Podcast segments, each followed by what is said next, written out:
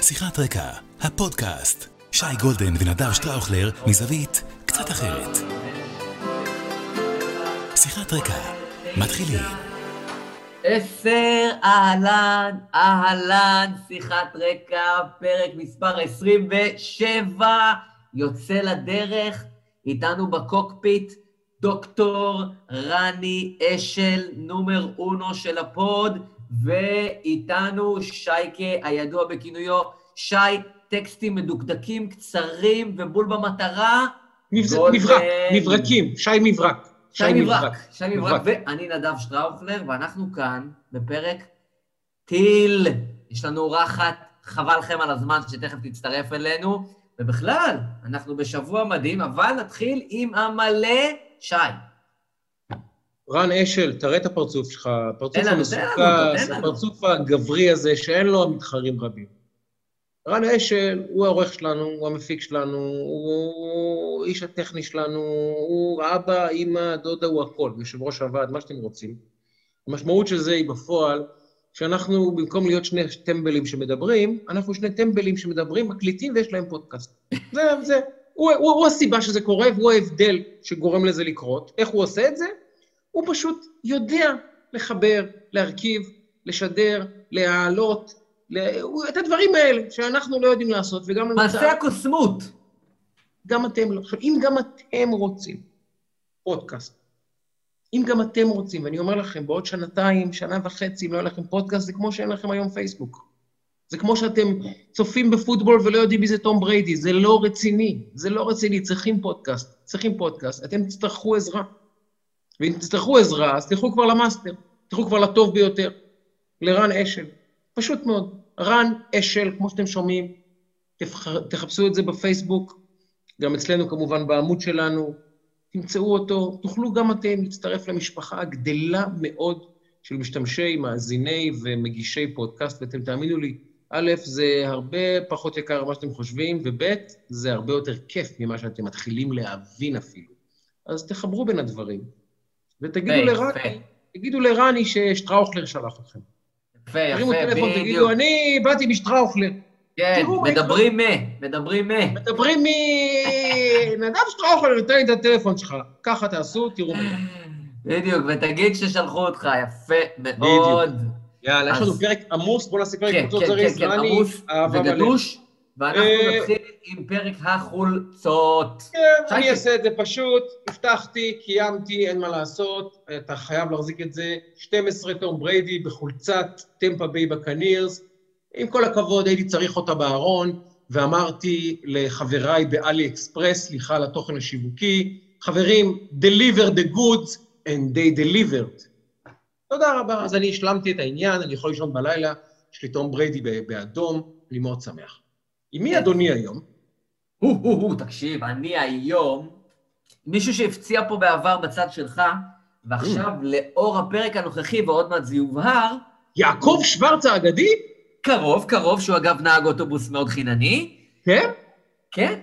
ואני היום עם מישהו שהוא היה כמעט ברמתו של יעקב שוורץ, אחד בשם מרדונה. מה אתה אומר? ויש סיבה מיוחדת לבחירה בו היום? יש, ואני אגיד לך את זה פעמיים. פעם אחת זו חולצה שהיא, אה, מה שנקרא חולצת רטרו, שהיא אחד לאחד מה שהיה במונדיאל 82, אז, אה, אז זו חולצה מרגשת שיש עשר מקדימה, עשר מאחורה, כאילו מאוד נקי. חולצה קלאסית בעיניי, ומרדונה, אנחנו כן. בשנת האבל, אז כל שבוע ראוי לזה, זו סיבה אחת. וסיבה שנייה, זה שהאורחת שלנו היום, והנה ניתן את התל, שתכף תצטרף אלינו, המספר, המספר עשר, אל תגיד, אה, אפשר להגיד כבר, הם יודעים, ראו נגיד, בהקלטה. בטח שנגיד, נגיד, עוד מעט נברך אותה. ונ... אז האורחת שלנו היא מספר 10, בעזרת השם, וב- ב- ב- כמובן בחדווה רבה עבורה, מספר 10 בליכוד, גלית דיסטל, שתגיע אלינו. אטבריאן. אטבריאן, שעוד מעט תגיע וגם תלמד אותנו איך אומרים את זה נכון, מה שנקרא. אה, אז, אז אני לכבודה היום עם המספר 10 של מרדונה, וגם לכבוד מרדונה עצמו, שהוא גם ראוי בקטנה, ככה פה ושם. בפני עשר, עצמו. הכל, עשר, אתה עשר, נדב, אתה עשר. עשר, עשר. ו... ותשמע, אומרים אצלנו, תסתפר ותשתפר. אה, אז, אז היום יש לנו באמת גם שיחה מרתקת עם גלית שעוד מעט תגיע אלינו ותצטרף, וכולנו מחכים ומתרגשים, וגם בקטנה נספיק איזה נושא שניים לפני שהיא תצטרף אלינו. רציתי לדבר איתך, אחד, על עדכון, ג'ו ביידן שוחח עם בנימין נתניהו, מה תגיד על הדבר הזה? אה, א', הגיע הזמן. ב', אני חייב להגיד לך, אני לא אוהב את ביידן במיוחד כבר בחודש הראשון. יכול להיות שהוא יפתיע אותי לטובה. אני גם סומך על נתניהו ועל היכולת שלו לנהל את ה... נקרא לזה הדיאלוג הענייני, האסטרטגי, המאוד מאוד... אה, באמת, זה לא... נכון שהכל זה אנשים, אבל בסופו של דבר זה אינטרסים של שתי מדינות, שיש להם הרבה מאוד זה, ולביידן יש גם כן... יש לו פורום יהודי, ויש לו לובי יהודי, ויש כסף יהודי, ברוך השם, יש לו, יש לו גם בבית, הוא לא יכול פשוט לנתק מגע עם ישראל, זה לא, זה לא, זה לא עובד כך. אה, אבל אני אגיד לך, אני אגיד לך מה אני מרגיש, שני האנשים האלה יצטרכו לשתף פעולה בשנה, שנתיים, שלוש הקרובות, כי המזרח התיכון נכנס עכשיו אה, לתקופה מעניינת מאוד מאוד מאוד מאוד, בטח עם חילופי הנשיא, ואני מאוד מקווה, מאוד מקווה, מאוד מקווה שביידן למד משהו מהטעויות של אובמה, מאוד מקווה, אם כי אני חושש שזה לא המצב. אז אני אסיים בתפילה שבשיחה היום בין נתניהו לביידן נרקמה אה, תחילתה של, אה, תחילתו של דיאלוג, דיאלוג בור, בריא ופורה בין השניים, ואני מחזיק אצבעות לכולנו, ואני מדבר כולנו, כל מי שבמזרח התיכון, שהוא למד משהו מאובמה. מהטעויות הקשות שאובמה עשה, אבל לא נראה לי שזה המצב. תשמע, אנחנו עוד מוקדם, אין ספק שזה התחיל בהרבה דברים ברגל שמאל. הם מכירים להערכתי 37 שנה, אה, נתניהו וביידן, ממה שאני מכיר. אה, מציין שבהודעה שיצאה נאמר כך, שני המנהיגים ציינו את הקשר האישי רב השנים ביניהם ואמרו שיפעלו יחד להמשך חיזוק הברית האיתנה בין ישראל לארה"ב. כמו כן, הנשיא בירך את ראש הממשלה על מנהיגותו במאבק בקורונה, והשניים החליפו דעות על דרכי ההתמודדות עם המגפה, אבל לא פחות חשוב מכך התמונה שיצאה. אני לא ראיתי את התמונה של ביידן, אבל התמונה של נתניהו היא מאוד מחויכת עם, ה, עם הטלפון ככה, ואני נזכר בתמונה של אובמה עם הרגליים על ה... זוכר את התמונה כן. שהוא הוציא עם הרגליים למעלה, כאילו ככה אני מדבר עם נתניהו, איפה כאילו, זה, ש... זה הכבוד או חוסר הכבוד שאני רוכש לו. אם אני יכול להגיד לך למשהו אחד שאין לי ספק שביידן ילמד, הוא לעולם לא יוציא יותר. ומה שנתניהו אחר כך עשה, ו- ו- ומה שהוא עשה אחר כך בסנאט ובקונגרס וכולי, לימד במרכאות לקח שלעולם לא ביידן וגם לא הנשיאים שאחריו יוציאו תמונה כזאת על מנהיג אה, אה, ישראלי, או נתניהו בפרט במקרה הזה. זה, זה לקח שאני מאמין שיילמד. אני רוצה אה, להגיד לך שאובמה בעיניי, במאה ה-20, ננסה לא להגזים, אבל הוא אחד משלושה הנשיאים האמריקאים הכי גרועים שזכורים לי, לצד ג'ימי קרטר. לא יודע, אולי בוש האבא גם היה קטסטרופה, אבל uh, ג'ימי קרטר ואובמה הם שניים הכי גרועים שזכורים לי במאה ה-20, ואני... אבל היי! הוא זכה בפרס נובל, מה תגיד על זה? כן, כן אני זכיתי בפרס יקיר אור עקיבא. מה זה אומר, שאני יקיר אור עקיבא? לא, לא, לא, הוא זכה בפרס נובל.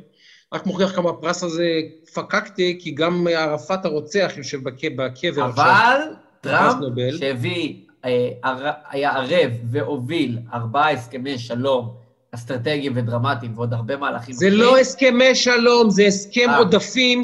עם האמירויות למכירת F-35, אתה לא מבין. כל פעם, זה, כל פעם אני מתבלבל בין הדברים, טוב שאתה, טוב שאתה מעיר לי. זה הסכם עם סמוטריץ' והאמירויות לחלוקת עודפים, הם מקבלים F-35, סמוטריץ' מקבל את הכול, והכל, כך זה, למה, למה אתה מעוות את ההיסטוריה? למה? נכון, אתה צודק. לפעמים, לפעמים בורח לי עם העיוותי היסטוריה האלה, ואני מבלבל בין הסכמי עודפים להסכמי שלום, זה קורה לכולנו. די לאחז עיניים, להלך פה על אימים על הציבור, די כבר עם זה, מספיק. איזה שלום. תשמע, אני רוצה לדבר איתך על עוד אה, נושא וקצת ככה בקטנה, אה, לפני שהאורחת שלנו אה, תגיע.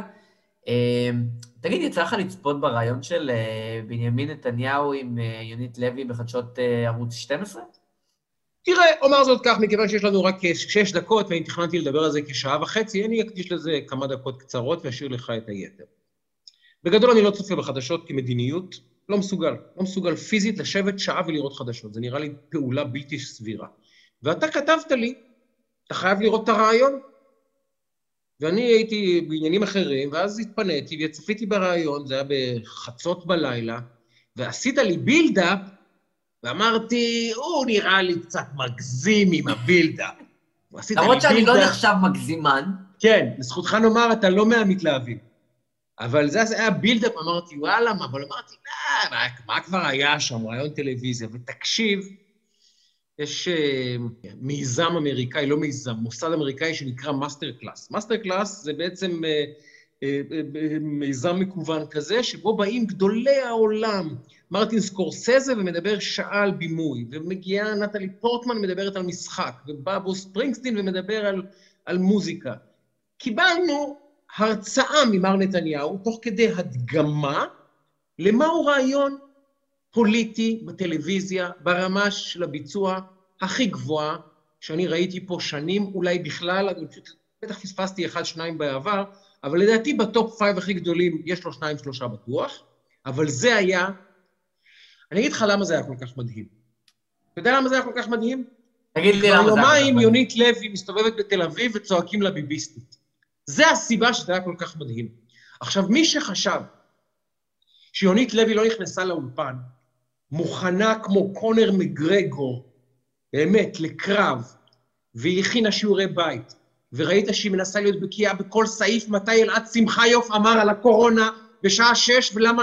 היא הייתה בכל פרט אפשרי ניסתה להיות בקיאה, והיא באה, סליחה על הבוטות, אלימה, והייתה לה שפת גוף שאני כמוה לא ראיתי מעולם אותה, ואני עוקב אחריה מהיום הראשון שהגישה מהדורת חדשות ראשונה, כתבתי ביקורת על המהדורת חדשות הראשונה שהיא הגישה למען האמת, אוקיי? אני אומר לך, אני מכיר, מכיר את האישה הזאת עשרים וכמה שנה. כצופה טלוויזיה, גם יצא לפגוש אותה בחיים כמה וכמה פעמים. היא ישבה ככה, היא ישבה ככה. היא ישבה ככה. היא ישבה ככה כל הרעיון. העיניים שלה היו ככה, היא לא הצליחה להסתכל על נתניהו. שעה, זה היה 40 דקות, כמה נמשך את זה רעיון? אז 35 דקות. היא לא הצליחה להרים אליו דקות. עיניים. לא הצליחה להרים אליו עיניים, השיער שלה הפילה את הפנים. אני לא ראיתי דבר כזה בחיים. זה שפת גוף של אדם, אני לא מומחה לשפת גוף. מה שיפה שאחר כך אמרו בטוקבקים, נתניהו גירד באף, הוא שקרן. הלו, זה מה ששמתם לב בשפת גוף? זה השפת גוף הבולטת ברעיון הזה? יונית לוי ישבה ככה כל הרעיון, עם השיער על הפנים, ולא הצליחה להרים את העיניים לנתניהו מרוב שהיא לא יכולה לשאת אותו. היא לא יכלה לשאת את הנוכחות שלו באולפן, והיה לה צחקוקים עצבניים, סליחה על הבוטות, שהם הם על גבול הלא מקצועיים כבר. באמת, היא הייתה פשוט, זה היה אחד, ראית אישה שנכנסה עם אנרגיה של רצח לאולפן, ויצאה ממנו אחרי 40 דקות, שכולם אומרים, את ילדה מאוהבת בנתניהו, את ביביסטית בכלל, עשית לו, נתת לו שירות. לא, חברים, התבלבלתם. היא לא מאוהבת, היא לא ביביסטית, היא לא עשתה לו שירות, היא לא הסתכלה עליו בעיניים נוצצות, לא. היא פשוט קיבלה שיעור לפנים. זו האמת. היא קיבלה שיעור באיך לנהל אולפן טלוויזיה. עכשיו, הוא בא למגרש הביתי שלה, ללא הארי, ממש, לגוב האריות עצמו הוא מגיע, לאישה השנייה או השלישית הכי מזוהה תקשורתית עם המחאה נגדו, ופשוט במשך 30 דקות, 34 דקות, מעביר את כל המסרים... ב-18 שניות. מעביר את כל המסרים שלו, אחד אחרי השני, אחרי השלישי, אחרי הרביעי, פעם ועוד פעם ועוד פעם, מעל הראש שלה, גורם לה להיראות לא רצינית, מגוחכת, קטנונית, נותן בסוף גם כותרת חמודה על שת"פ אסטרטגי עם פייזר ומודרנה, פשוט קורע אותה לגזרים, והיא יוצאת מהריאיון, באמת speechless, ויומיים אחרי זה היא מסתובבת בתל אביב, וכבר 48 שעות מסבירים לה שהיא ביביסטית, ועכשיו היא האויב. עד כדי כך היא הוכתה שוק על ירך. זה לא שהיא הסתכלה בו בעיניים מאוהבות, היא לא אמרה מילה טובה אחת לא, היא לא אמרה לו, אדוני ראש הממשלה, מסכימה איתך על שום דבר, שום דבר. אבל הוא פשוט היה כל כך הרבה יותר מוכן ממנה לעניין הזה, כל כך, ברמה כל כך הרבה יותר גבוהה של שליטה ממנה, במדיום שהיא עצמה מתפרנסת ממנו כבר 23, 4 שנים, להיות בישראל. והוא עשה לה בית ספר. זה היה מדהים לראות את זה, מדהים. זה היה master class, פשוט, באמת.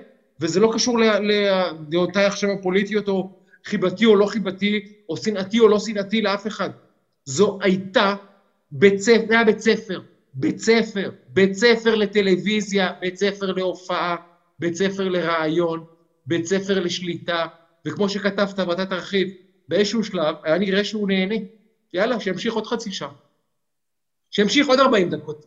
תחשבו מתי ראיתם פוליטיקאי שבאיזשהו שלב, אתה רואה אותו כבר שפת גוף, נו, תגמרו את הרעיון כבר, די, באמא שלכם. ראינו את גנץ מזיע, ראינו את גדעון סער לא יודע למצוא את מקומו, ראינו את כולם.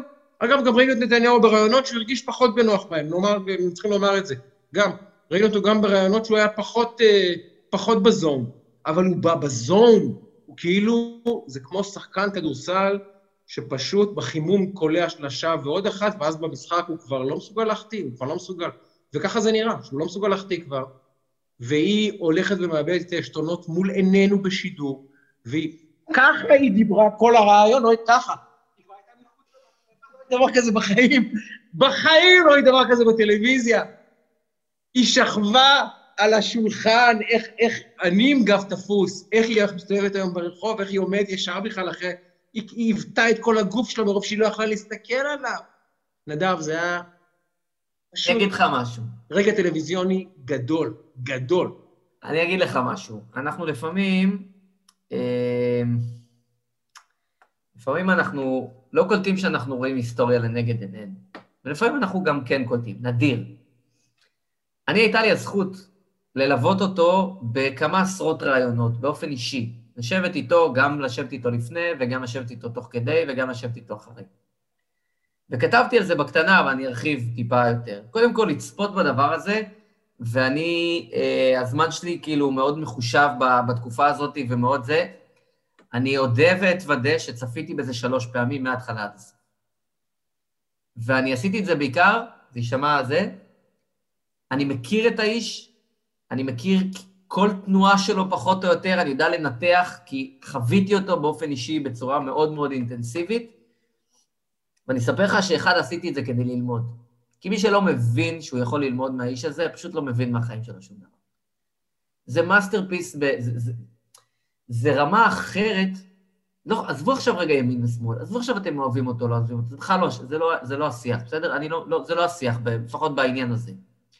היכולת שלו לנהל ראיון, וההבדל בין מראיין למרואיין זה שלמראיין יש אוזנייה, ומישהו שנותן לו פידבק ועוזר לו כזמן, ולמרואיין אין אוזנייה. הוא לבד באירוע. המצלמות עליו, הזרקור עליו, הסיטואציה הוא במגרש חוץ. הוא גם לא מגיע למגרש אה, מי יודע מה אוהד מלכתחילה, בטח ברעיון כזה. לדעתי זה הרעיון כזה הראשון שלו בקריירה הפוליטית שלו עם יונית לוי, אוקיי? זה מה שאני חושב, אני לא זוכר עוד רעיון שלו כזה. זאת אומרת שאתה מגיע לסיטואציה שהיא לא סיטואציה נוחה. ומי שיסתכל מהשנייה הראשונה ועד השנייה האחרונה, יראה בן אדם בשליטה טוטאלית על הסיטואציה. טוטאלית על סיטואציה שהיא לא נוחה לשליטה בעליל. ותנתח שאלה, שאלה, ואני ניתחתי כל שאלה, והלכתי וחזרתי אחורה וניתחתי כל שאלה, ואיך הוא ענה על התשובה. וגם מה הוא אמר וגם איך הוא אמר. ואיך הוא מתחיל ואיך הוא מסיים. והיכולת שלו להעביר מסר היא פנומנלית. כתבתי על זה, ואז אנשים אומרים, אה, אבל הוא שקרן, אבל הוא זה, אבל הוא מושחת. עזבו, תפסיקו לבלבל את המוח רגע, תנתחו רגע מקצועית, אוקיי? מקצועית. היכולת שלו לנהל רעיון היא ברמה שלא הייתה פה, לדעתי גם לעולם לא תהיה פה. בואו נכיר בזה, בסדר? בואו נבין שאנחנו רואים היסטוריה לנגד עינינו. במקרה הוא גם ראש ממשלת ישראל. אוקיי, ככה יצא. אבל זו יכולת פנומנלית, והוא הביא את כל היכולות הווירטואוזיות שלו לראיון אחד של 32 דקות ו-18 שניות של דיוק כמעט אבסולוטי בין רצינות לאסרטיביות, לקומיות אותנטית. הקטע שמדברים על הנה-נה-נה הזה, שכולם מדברים על הנה-נה-נה, יש דברים שאתה מתכונן אליהם בריאיון, יש דברים שאתה שולף אותם בריאיון. הוא הביא גם דברים שהתכונן אליהם, וגם דברים שהוא שלף אותם, ואני יכול לנתח לך מה הוא שלף ומה הוא הכין, ומה בא לו ומה הוא הכין, ומה, ומה יצא, אבל הכל היה כל כך מדויק, שבאמת, אם זה היה מתנהל גם עוד שעה, היית מקבל עוד שעה כזאת. ואני אגיד לך למה אני יודע את זה. במערכת הבחירות של 2019, א', כאמור, הייתי לידו, ואני אספר סיפור קטן מאחורי הקלעים.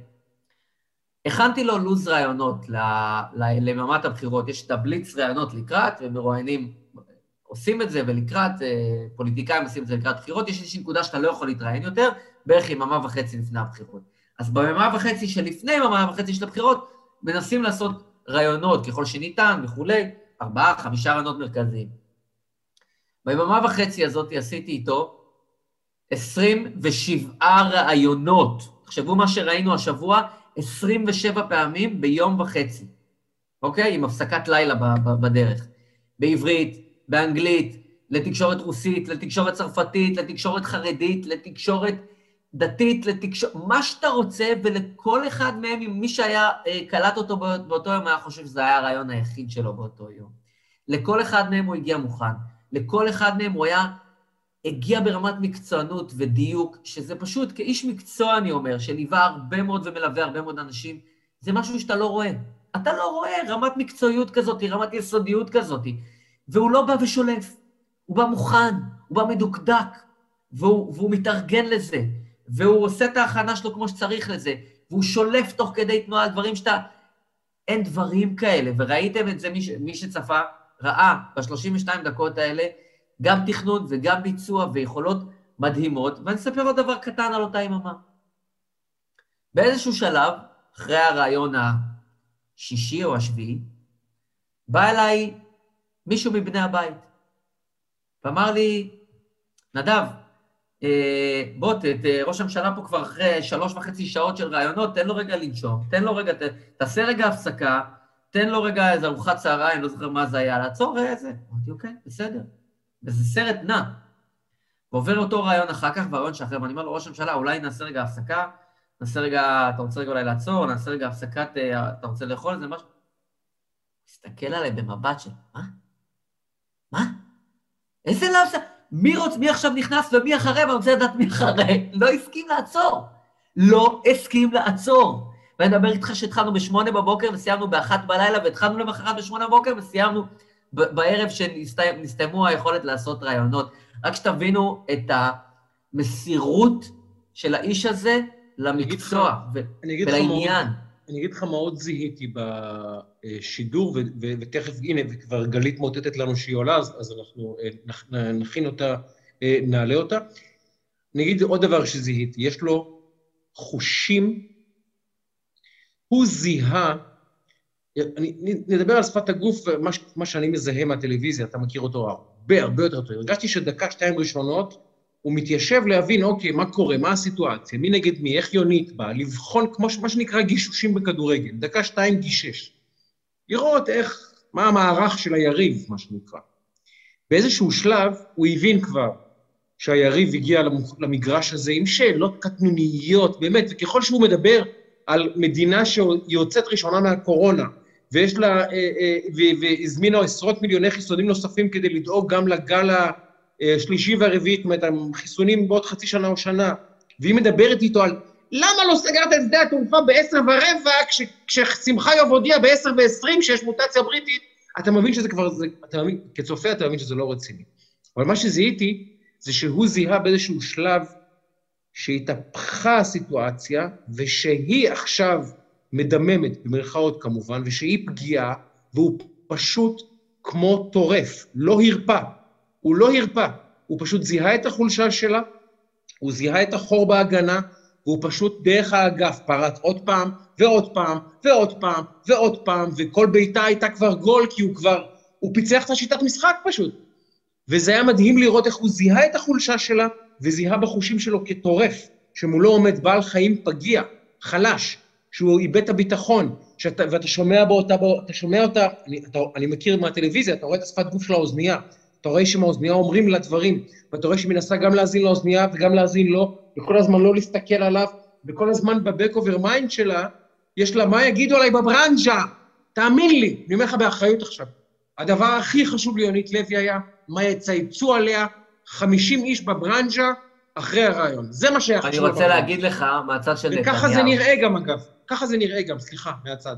אני רוצה להגיד לך מהצד של נתניהו, ואני ממליץ ל... כל שוחרי הפוד, לא משנה מה אתם חושבים על נתניהו, לצפות במודעות של מה שאני אגיד עכשיו, לצפות בריאיון עצמו. אם צפיתם, צפו שוב. כי זה באמת שיעור לחיים. באמת, להבין רגע סיטואציה שהיא מאוד מורכבת ואיך מייצ... איך, איך בתוך המרחב הזה. השאלה הראשונה, הוא מקשיב לשאלה. הוא מקשיב, אבל הוא בא להגיד, והוא גם עונה לשאלות. אבל הוא, הוא, הוא קודם כל יגיד, אוקיי, שמעתי את השאלה שלך, אני תכף אשיב לך גם, אבל יש עכשיו שתי דקות להעביר מסרים, ואחר כך אני אחזור לשאלה שלך, אני לא אשאיר שאלה פתוחה. ואם תסתכלו על השאלה הראשונה, וגם על השאלה השנייה ובהמשך, נשאלת שאלה, הוא אומר, הוא מתחיל את התשובה, הוא הולך רגע לדברים שחשוב לא להגיד, כי הוא יודע שלא ייתנו לו להגיד אותם אם הוא יתחיל איתם. כי הוא לא יישאל את הש... הוא לא את השאלות. הוא גם אגב בריאיון שאל את עצמו שאלה וענה, שזה זה כבר היה כשהוא בפלואו, מה שנקרא.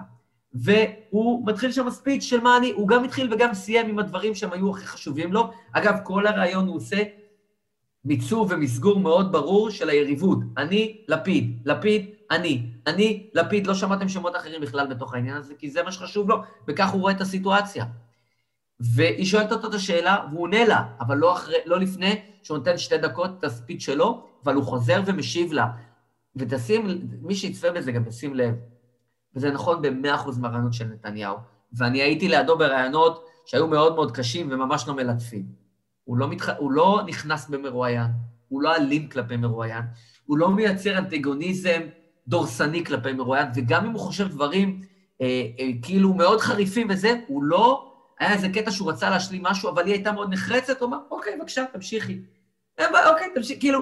אבל הוא, הוא, הוא מסביר את התחושה שלו, אתה לא... אתה, אתה תבין מה הוא רוצה להגיד, גם במה הוא אומר וגם באיך הוא אומר, ואני ממליץ לכל אחד לצפות בדבר הזה אפילו עוד הפעם עם אוזניות, להתבונן, לא משנה מה אתם חושבים עליו, אני מסתכל עכשיו מהדיסציפלינה, מהמקצועי, זה פשוט תאווה לעיניים, לא, פשוט תאווה לעיניים. מה שהיה יפה גם, גם, תקשיב, באמת, זה דברים קטנים של טלוויזיה, אבל שפת הגוף שלו, הוא ידע איפה המצלמה שלו, הוא ידע איפה המצלמה של יונית, הוא שלט באולפן, הוא הבין את האולפן. עכשיו, זה אדם שלא גר באולפן.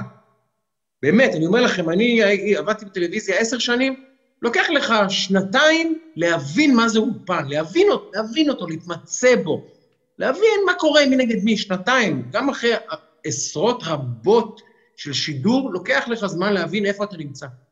ובן אדם לא בילה באולפנים, באמת, אפילו לא אלפית ממה שיונית לוי בילתה. אלפית, אם לא אחד חלקי מאה אלף. והוא פשוט נכנס לאולפן, ונראה כאילו שהוא גר שם שנים. ואני, ואני אגיד לך עוד דבר אחד. היה מדהים לראות. אני אגיד לך עוד דבר אחרון במובן הפרקטי של הרעיון, חוץ מהפירוטכניקה והעניין המקצועי והניתוח וזה, בסוף מי שלא אוהב אותו יגיד זה היה רעיון גרוע, הוא שרלטן, זה לא מעניין אותו והוא גם לא דיבר אליו.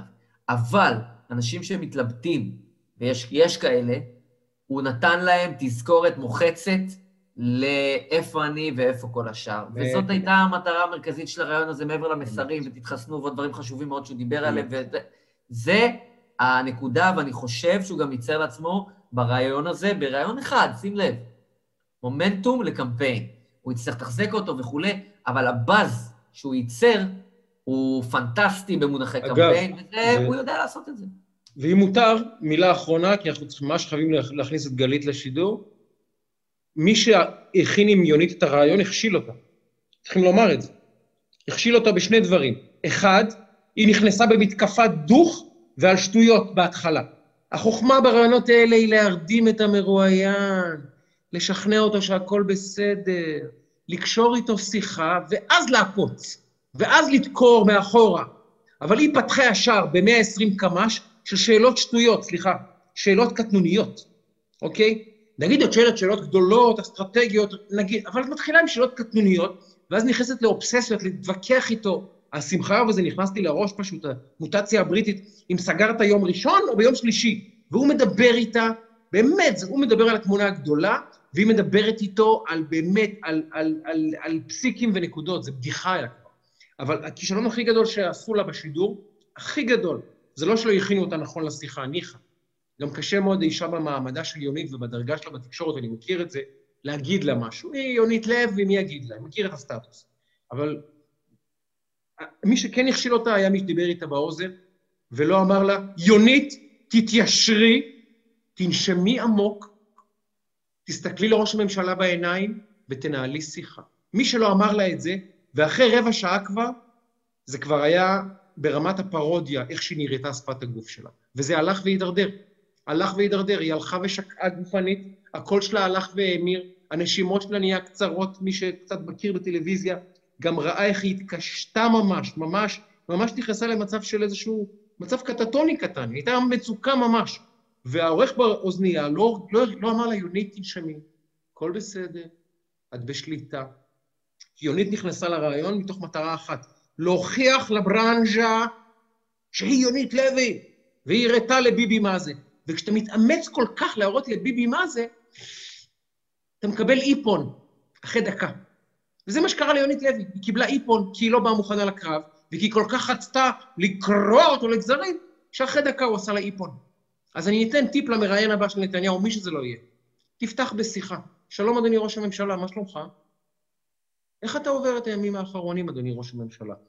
אה, איך הייתה אגב השיחה עם מר ביידן? לחייך קצת, תדברו, תרדימו אותו, תרגיעו אותו, תייצרו פמיליאריות, ואז תעקוץ.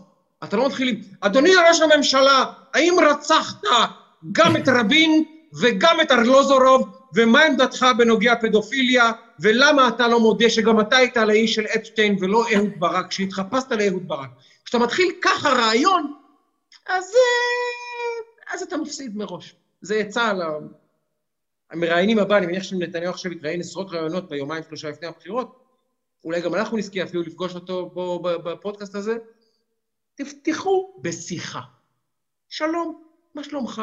אפשר גם לשאול אגב שאלה, להגיד לו, אדוני, שמע, מבצע החיסונים מאוד מאוד מרשים, אבל נדמה שהקצב של ההתגברות של החיסונים בזמן האחרון קצת נעצג, מה אנחנו עושים? אפשר גם שאלות כאלה, שאלות שהן בסדר, שיש בהן גם אמת וגם איזו שאלה. לא חייבים רק, רק רע, רק שחור. וככה, אגב, קונים את אמונו, ואז אם אתה רוצה לעקוץ, אז יש סיכוי שהוא יירדם, ואתה תצליח גם לייצר לגיטימיות גם מול הצופה, כי הצופה כבר לא מאמין לך. אני לא האמנתי ליונית לוי. לא האמנתי שהיא רוצה לדעת משהו מראש הממשלה. לא האמנתי שעניין אותה התשובות שלה. האמנתי שרק דבר אחד מעניין אותה, להראות שהיא חכמה ולקרוע לו את הצורה. עכשיו, זה לא שיחה, ולכן זה לא מעניין לראות אותה. והוא הבין את זה, וככה, היא, היא, היא באמת, היא שיחקה לידיים שלו. הוא בא, וככל שהיא איבדה את העשתונות, הוא נהיה יותר רגוע. וככל שהיא הייתה יותר לחוצה והיסטרית משפת הגוף שלה, הוא נהיה יותר משועשע, וצוחק עליה, ומחקה אותה, וכמובן ממשיך למסרים מעל הראש. והיו לו, היו לו שם קטעים, אה, כמי שמזהה אותו ומכיר את המימיקות שלו, היו לו שם קטעים שהוא באמת, אני כתבתי את זה, הוא לא שרד את האירוע, הוא נהנה. ברור. באמת נהנה. ברור, אני אומר לך, ראיתי... נהנה, הוא לא מזייף, זה, הוא נהנה, וזה לא, היה נהנה. בסוף כשהיא אמרה לו, אמרו לה באוזניה, טוב, תגברי, צריכים לחתוך לתוכנית אחרת, במה שזה לא יהיה, הוא אמר לה, היא אמרה לו, לא, מה? בואי נישאר. הוא כזה היה עם שפת גוף של, למה? רק, רק הגשנו את המנה הראשונה, בוא, בוא, פתח לשולחן, בוא, בוא נדבר על הסרטים. זה היה גדול לראות את זה. יפה, אז תשמע, אנחנו, אנחנו פה בעצם במנה ראשונה, ועכשיו אנחנו מתקדמים למנה העיקרית. עכשיו מצטרפת אלינו גלית דיסטל אטבריאן או אטבריאן? תגידי לנו כמו שצריך, שכולנו נדע, אנחנו תלמידים מתקשים. זה כל כך קל. את, בר, ין. את בר ין. לא, אבל הטוויסט הוא בדיסטל. הדיסטל הוא שובר את כן. השיווי משקל, מבינה בראש. המערכת המוטורית של האדם הלא אינטליגנטי כמוני, כן. נותנים לו גם את בריין, ופתאום איזה דיסטל לפני, הוא אומר, רגע, רגע. לא, אני רוצה להגיד... יש לי אמפתיה לדבר הזה, אני מבינה אתכם, באמת. נכון? תקשיבי, כן. לא, אשתי עד היום, כאילו, מסתובבת עם שטראוכלר. זה שטראוכלר, זה הרבה יותר קשה מאט בריין. בדיוק, שטראוכלר. ברור. זה שם עם לא. מסמרים בפה. אם את רוצה, אני אפתח במונולוג קורע לב על מה עושים לגולדן. גולדמן, גולדין. גולדין? מה? גולדין, גולדנברג, קראתי את הסטטוס שלך על גולדין, קראתי. כמה מסובך שם של חמש... אצלך זה באמת פשוט. גלית ואני, כאילו, אנחנו באזור אחר. אתה ממש בפשטות. למה מתקשרים כן. גולדן? גולדן. אני רוצה להכריז שאני המלכה המנצחת. זה נכון. קל. שטראוכלר אנחנו שומעים, האוזן קצת רגילה. דיסטל אטבריאן נשמע כמו כדורים קשים מאוד למחלת עור מוזרה. דיסטל, אני, אפשר קודם באמת מעומק הלב, בלי קשר לפודקאסט, שמודקאסט וזה, כי דיברנו, אבל לא ממש דיברנו. להגיד לך כמה אני, א', שמח, שמח, באמת שמח על האירועים הגדולים בחייך בשבועיים האחרונים, וב', כמה אני מבסוט גם, אני שמח בשבילך כחבר וכ, וכאוהב, אבל גם שמח כאזרח, באמת עכשיו, כאזרח המדינה הזאת. כנסת ישראל, אני אומר את זה בלשון מאוד עדינה, אה, איכות החומר האנושי בה יכולה להשתפר. יכולה להשתפר. אני אומר את זה בהמון עדינות, בהמון עדינות. ואני חושב שכשמוסיפים אדם אה, כמוך או אישה כמוך ברמה הגבוהה הזאת לקלחת, הממוצע כבר עולה. וכשהממוצע של רמת חברי וחברות הכנסת בישראל עולה, אז אני כאזרח מבסוט. אגב, גם אם הייתה נכנסת מישהי ממפלגה אחרת או מתנועה אחרת שאני פחות קרוב אליה והיא הייתה ברמה גבוהה, הייתי אומר, יופי, אני בעד. אני בעד אנשים איכותיים, ואת uh, ברמה הכי גבוהה של האיכות שיש. ואת יודעת, סוף סוף לשמוע אדם שכותב יותר טוב מהדוברים שלו, והוא חכם יותר ממרבית היועצים, זה, זה, זה, זה בשורה טובה, באמת, לנו כאזרחים. כי אנחנו נושאים עיניים לאנשים האלה שיושבים שם בסופו של דבר, ואנחנו רוצים להגיד, הנה, האיש הזה, אני, אני נושא אליו עיניים מסיבה. הוא לא סתם שם כי מישהו, לא יודע מה, שיבץ אותו או לא, הוא שם כי יש לו ערך, כי יש לו איכות, כי יש לו שיעור קומה. אז בהיבט הזה אני מבסוט שבשבילך, באמת, תקשיב, וגם, בש, וגם בשבילנו. אני, קודם כל, אין לך מושג כמה אני צריכה לשמוע את זה. אני ממש צריכה לשמוע את זה, כי, כי, כי בראש שלי אני נכנסת לתוך אה, איזה נעליים שמחייבות מצוינות, לא פחות, ואני אשקר אם אני אגיד שכששמעתי את זה אמרתי, ייי, אני אצלח את הדבר הזה, איזה כיף, שזה משהו שקורה לי כמעט עם כל משימה אחרת בחיים. אז אני לא סובלת מחוסר ביטחון, אני לא סובלת מחרדות מהסגנון הזה. פעם ראשונה בחיים שלי שזה קורה לי, כי יש עליי איזו חובת הוכחה לאומית מאוד מאוד חזקה. אה, אז, אז כיף לשמוע, כאילו, אני יודעת שאני מעריכה אותך, ואז אני אומרת, אם אתה מעריך אותי, אז אני, אני צריכה את התיקוף הזה, את האישור הזה, פעם ראשונה בחיים שלי. אה, מפחיד כן, לאללה. אני רוצה, אני רוצה, אני רוצה כן. להוסיף פה עוד משהו לדברים ששי אמר. א', אני מצטרף ממש. אני מה זה מבסוט? בשבילך, בשבילנו, באמת. דה. אני רוצה גם לקחת את זה למקום הפרקטי. לפני איזה שבועיים, שלושה, הייתי באחד הערוצים, והיה, דיברו על בורסת שמות, לכל מיני מפלגות. ואז דיברו על דוידי, נדמה לי, ודיברו על עוד איזה מישהו, ו... ואז אה, אמרתי, כאילו, היה קטע, רגע, מה, יש כבר שמות, יש כבר כאילו שמות שיכולים להוסיף באמת, יש שמות שיכולים להוסיף למפלגות, יש כאילו משהו שיכול להוות כאילו איזה טוויסט, איזה תוספת. אמרתי שיש, קשה מאוד למצוא את האנשים שהם מתחברים בול בפוני, אבל כשאתה מוצא אותם, זה מאוד מאוד ברור בשנייה הראשונה. זה לא קורה הרבה, בטח במה שנקרא חלון העברות בינואר, שזה כאילו סגירת הרשימות בקצה, אתה צריך את השחקן שיביא לך את הערך מוסף כדי לרוץ לאליפות. כאילו, אם אני שנייה לוקח את זה לכדורגל, סליחה על הזה. אין הרבה, אבל כשאתה פוגע, אתה יודע שאתה פוגע, וזה אלקטורלי. והמקרה שלך הוא הוכחה אמיתית, עוד לא, אנחנו רחוקים מהתוצאות, אבל לי זה כבר ברור, של בול בפוני. של מישהי שמביאה ערך מוסף, שמביאה אמירה, שהיא מוכרת ציבורית, והיא לא רק מוכרת ציבורית כי היא אמרה איזה משהו והייתה איזה...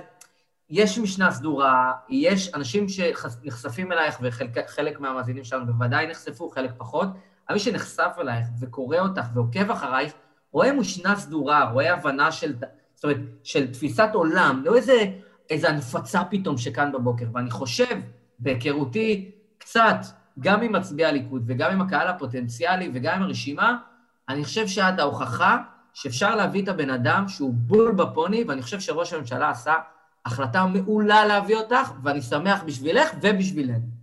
יש אה, פער מאוד מאוד גדול, כמובן, מן הסתם, באופן טבעי, בין האופן שבו הימין קיבל את זה לבין האופן שבו השמאל קיבל את זה. אבל מה שמעניין, עכשיו היה ברור שהשמאל יגיד משהו, גם אנחנו אומרים דברים כמעט מהשרוול כשזה נוגע למחנה השני, זה אותו סוג של אה, תגובה אוטומטית שלא נתעכב עליה כרגע.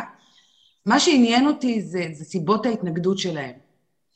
אה, ואז שי להב, המוזיקאי אה, ממופע ארנבות של דוקטור קספר, שהוא איש שמאל, כתב uh, טור מאוד מרגש עליי במעריב, מאוד מרגש. זה היה פתאום קול אחר מהצד השני, ששאל בעצם, מה אתם רוצים?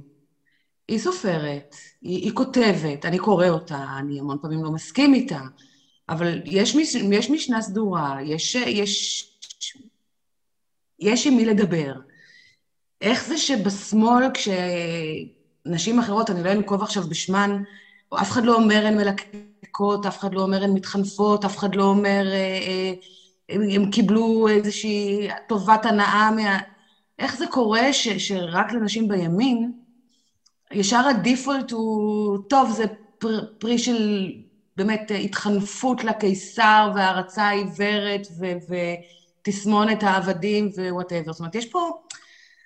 גם התגובה הזאת הראתה שיש משהו נורא נרקיסיסטי ב core, בליבה של התפיסה השמאלית, והיא שלא יכול להיות, לא יכול להיות, שדברים מתנהלים כסדרם. חייב להיות איזה פוילישטיק, איזה יחסים של תן וקח בין הקיסר לבין המתחנפים אליו.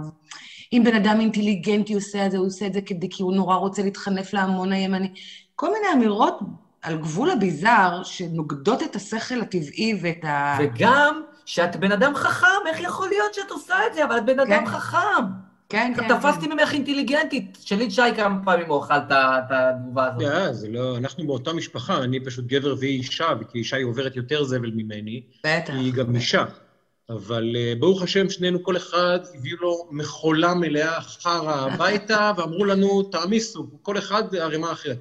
אני רוצה כן. אבל כן, גלית, אה, אה, אחד הדברים המעניינים הוא שבאמת את צמחת, לא, אני אגיד קודם הערה מקדמית. היום שבו הימין אני אבין שהוא יתבגר, זה היום שבו נפסיק, יפסיק להתנצל. הוא יפסיק גם להתנצל בפני החבר'ה מהשמאל שאומרים, לי אומרים, אתה שתול, אתה מכור, אתה מחפש עבודה, אתה סמרטוט, אתה מתחנף, לא אמרו עליי. כמובן, על הילדות שלי, על מצבי הנפשי, על מה לא.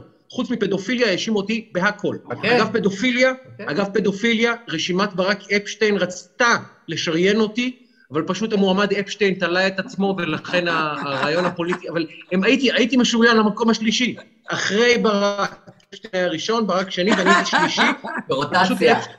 כן, אבל פשוט אפשטיין החליט לסיים את הקריירה הפוליטית שלו באופן בלתי צפוי. בנסיבות טרגיות. ביום ש... בדיוק, ביום שנפסיק להתנצל, להתנצל, זה כאילו, אני, אני כל הזמן משתמש בדוגמה הזאת, בזמנו בבנימינה גרתי מול גן ילדים. והיה איזה ילד, חמוד, מתוק, בן ארבע, מה, אני לא מכיר אותו, הוא לא מכיר אותי, שכל פעם שהייתי חונה, היה צועק לי, טמבל, טמבל, טומטום, כמו איזה ציפור כזאת. עכשיו, הוא ילד בן ארבע, אז צחקתי. עכשיו, ברגע שאני אתייחס אליהם כמו לילד בן ארבע הזה שקורא לי טמבל, טמבל, טומטום, שתול, פשוט יצחק, אז אני אדע שהתבגרתי.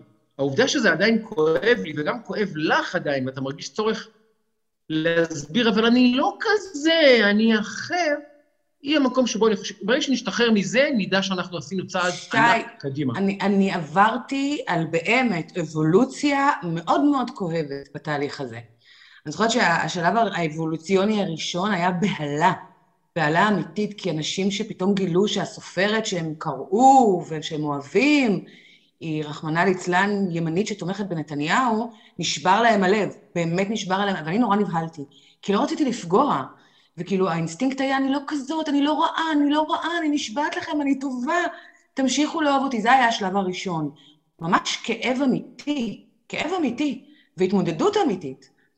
ואז התחילו התחקירים, זאת אומרת, ככל ש, שצברתי יותר תאוצה, אז גם התותחים שהוצבו מולי ותתי המקלעים היו יותר כבדים.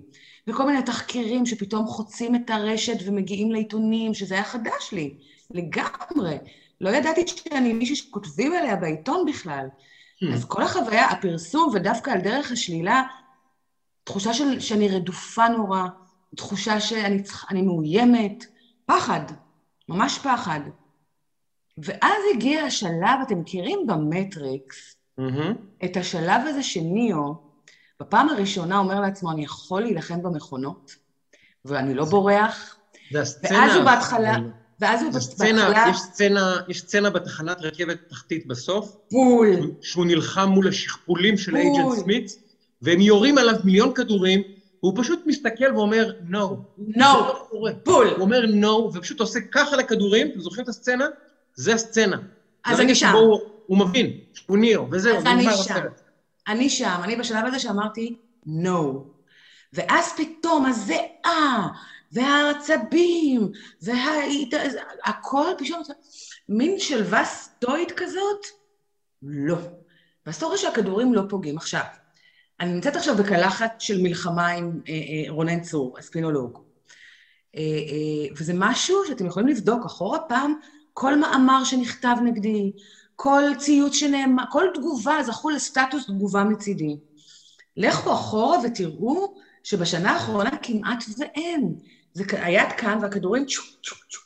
כשאני בוחרת באופן מאוד סלקטיבי ומודע וקר רוח למי אני עונה, אני בוחרת לעשות את זה בגלל שהסיפור הוא גדול ממני, כמו למשל כשנכנסתי באסף זמיר. סטטוס. שגרף המון המון המון המון לייקים, וגם יחסית אליי היה נורא ויראלי. כי היה חשוב לי להעמיד את העמדה, את ההתנשאות הכלכלית שלו מול אנשים כן. כמוני. כן. אז, אז המטרה הייתה שווה את, ה, את, את זה שאני באה ומכניסה את עצמי לסיפור.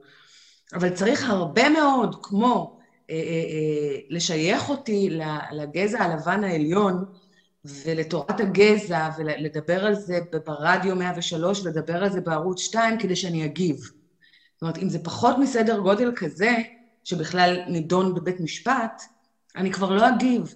כי. נפטרתי, נפטרתי לחלוטין מהרצון אה, אה, להסביר את עצמי, הבנתי נורא לעומק שאלה ששונאים ישנאו no matter what, ואלה שאוהבים יאהבו no matter what, ו- ו- וזה מלחמה עקרה, זה פשוט עקר.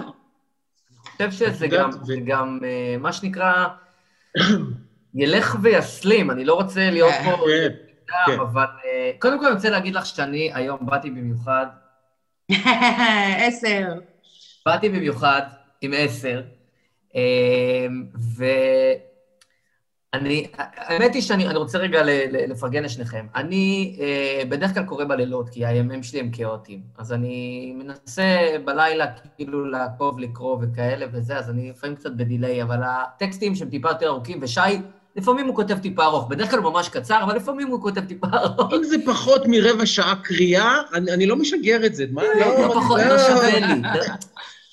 אז, אז אני קורא את שניכם, ואני לא קורא, אני משתדל, אבל באמת משתדל אז לקרוא את שניכם, ועוד מעט מאוד אנשים שאני באמת קורא, כאילו, אה, קורא ומתעמק, ואני חושב שמה ש... אה, מה שמייחד בטקסט שלך, לפחות בעיניי, אוקיי? אני, אני סקרן לשמוע מהצד שלך, אבל זה אחד שאת מתנסחת בצורה מאוד ייחודית, לך.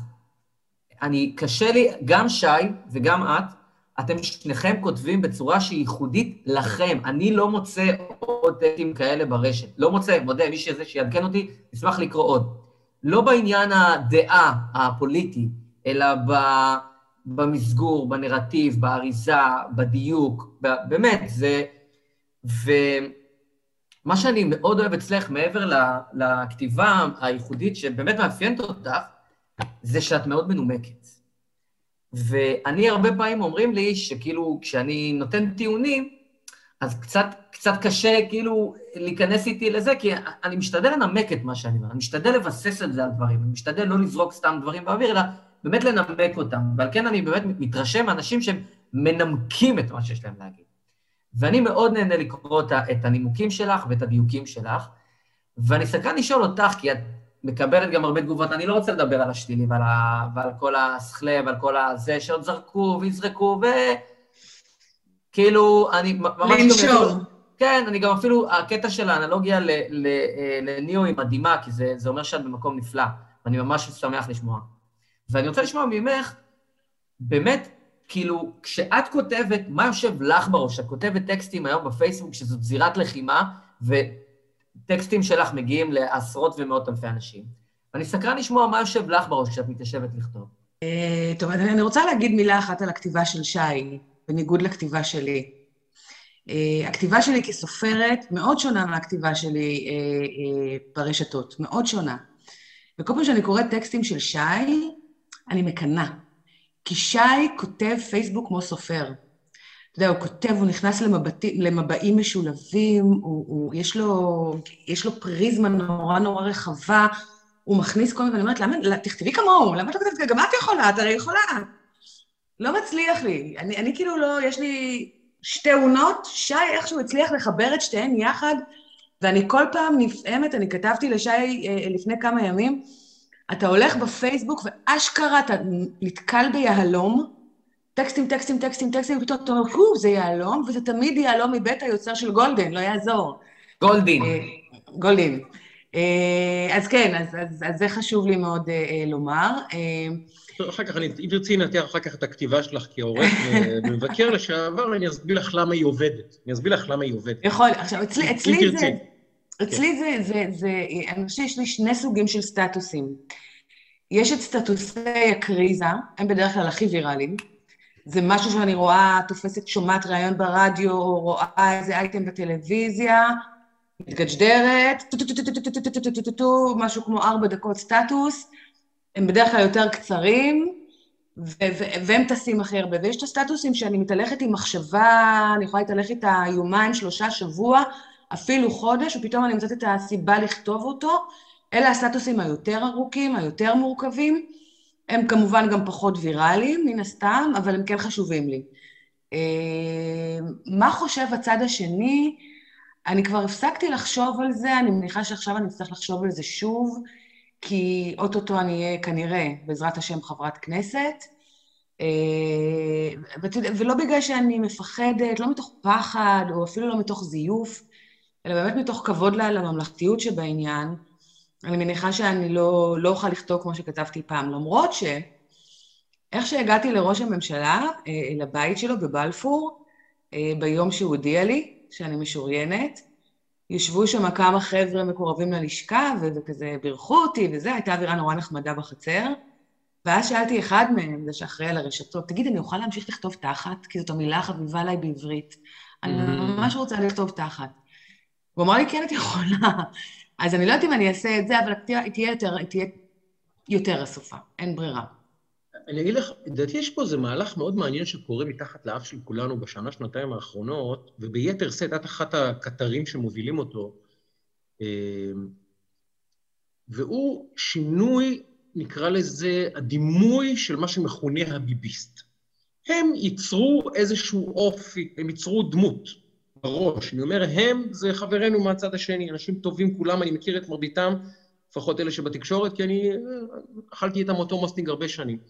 וכשאמרת ביביסט, אמרת עילג, אמרת אלים, אמרת חסר השכלה, אמרת גם מזרחי כמובן, אבל לרוב זה היה אה, חבורה של בבונים, עם כל מה שכרוך בכך. ולפתע, עם אנשי ימין חדשים, גדי טאוב, דיברנו איתו לפני שבועיים-שלושה, גלית דיסטל, אנשים, עירית לינור, שעושה את זה הרבה שנים, אישה מאוד מוכשרת, ועוד כל מיני אנשים טובים, שפתאום הם כותבים יותר טוב מהרוגל אלפרים ומהאורי משגבים, יותר טוב. אני אומר את זה בגלוי, את כותבת יותר טוב מאורי משגב. נקודה. ככותב אני אומר את זה עכשיו, לא כאיש פוליטי. את כותבת, הכתיבה שלך יותר טובה. את גם כותבת יותר טוב מרוגל אלפר היום בעיניי, יותר מעניין, אוקיי? וכותב הוא גם צריך להיות כותב מעניין, לא רק כותב שהטכניקה שלו טוב. אז פתאום קורה דבר מעניין. יש בימין אנשים אינטליגנטים, יש כותבים טובים, יש אנשים שיש להם משנה, שיודעים גם לנמק את דעתם. אפשר לומר הרבה דברים עליי ועלייך. זה שאתם כותבים לנו בטוקבקים היידה ביבי, אנחנו לא כותבים היידה ביבי. אנחנו עושים הרבה דברים. הם ממשיכים לומר לנו היידה ביבי והיידה שרה, כי זה הרפלקס המותנה שלהם. אבל תדעי שאני אומר לך את זה. אני מרגיש את זה, ואני קורא את זה גם, מזהה את ה... נקרא לזה, את התת-מודע אה, של התגובות. יש המון תסכול מהמפגש עם ימנים אינטליגנטים, והרבה מאוד אנשים כמו נדב וכמו אחרים, שתמיד אמרו, אה, יש איזה ימני אינטליגנטי, נדב שטראוכלר, פתאום, חי, רגע, הם די רבים, הם די רבים, מה אנחנו עושים עם זה? אז לא כל הימנים בבונים, אז מה אנחנו עושים עכשיו? אתה רואה את המצוקה. ואת אחד מהקטרים של המצוקה הזאת בצד השני, וגם של הרוח הזאת, של הרבה אנשים ימניים שאני, שאני אה, אה, אה, בזמן האחרון נחשף אליהם. אגב, דבר מעניין הוא שאני כותב המון שנים. כתבתי בעיתונים, בזה, אינטרנט, מה לא. בחיים שלי, בכל החיים שלי, וכתבתי הרבה טקסטים באמת שאני גאה בהם, לא קיבלתי כל כך הרבה תגובות שהמילה תודה חוזרת בהם. באמת, המון אנשים כותבים לי, תודה, שי, שאתה כותב. תודה שאתה משמש לי פה. עכשיו, תקשיבי, אני כתבתי הרבה שנים בעיתונים רציניים וזה, וגם בפייסבוק. אתה יודע למה זה קורה, שי? אני יודע למה. כי לראשונה, יש פה עם, יש פה חצי עם מושתק. הם היו מושתקים במשך 60 וכמה שנה, לא יודע כמה שנים. אפילו אחרי שבגין עלה לשלטון הם היו מושתקים. גם במהלך קדנציית נתניהו הראשונה והשנייה הם היו מושתקים. ופתאום עכשיו, אני חושב שבשנתיים, שלוש הראשונות, האחרונות, סליחה, זו הפעם הראשונה שאני מרגיש היסטורית, שפתאום יש לציבור הזה קול, או מתחיל להיות קול, קול. ולכן כשבאה אחת כמו גלית, או אחד כמוני, או, או גדי, ונדב, ואנשים מוכשרים וטובים אחרים, פתאום הם מקבלים מאנשים תודה שאתה משמש לי פה, כי סתמו לי את הפה במשך 70 שנה. עכשיו, אנשים, אני, כשהייתי בצד השני, באמת לא הבנתי על מה הם מדברים. אמרתי, מה אתם רוצים? יש לכם עמית סגל, יש לכם, אה, אני יודע מי, התחלנו את כל גלריית השמות. ועמית סגל, וגם עמית סגל יש לכם. ועמית סגל, ואראל סג"ל. עצם העובדה, עצם העובדה שהם יכולים למנות אותה מראה את הכשל הלוגי. בדיוק. אם אנחנו נשב ונמנה את אנשי השמאל, כולנו לא נישן שבוע. וזה גם מה שאני כל הזמן אומר, גם לנדב וגם פה בפוד. המשחק הוא לא כמה אנשים יושבים באולפן, המשחק הוא כמה אנשים יושבים במערכת. ושמה... ב control. זה תש...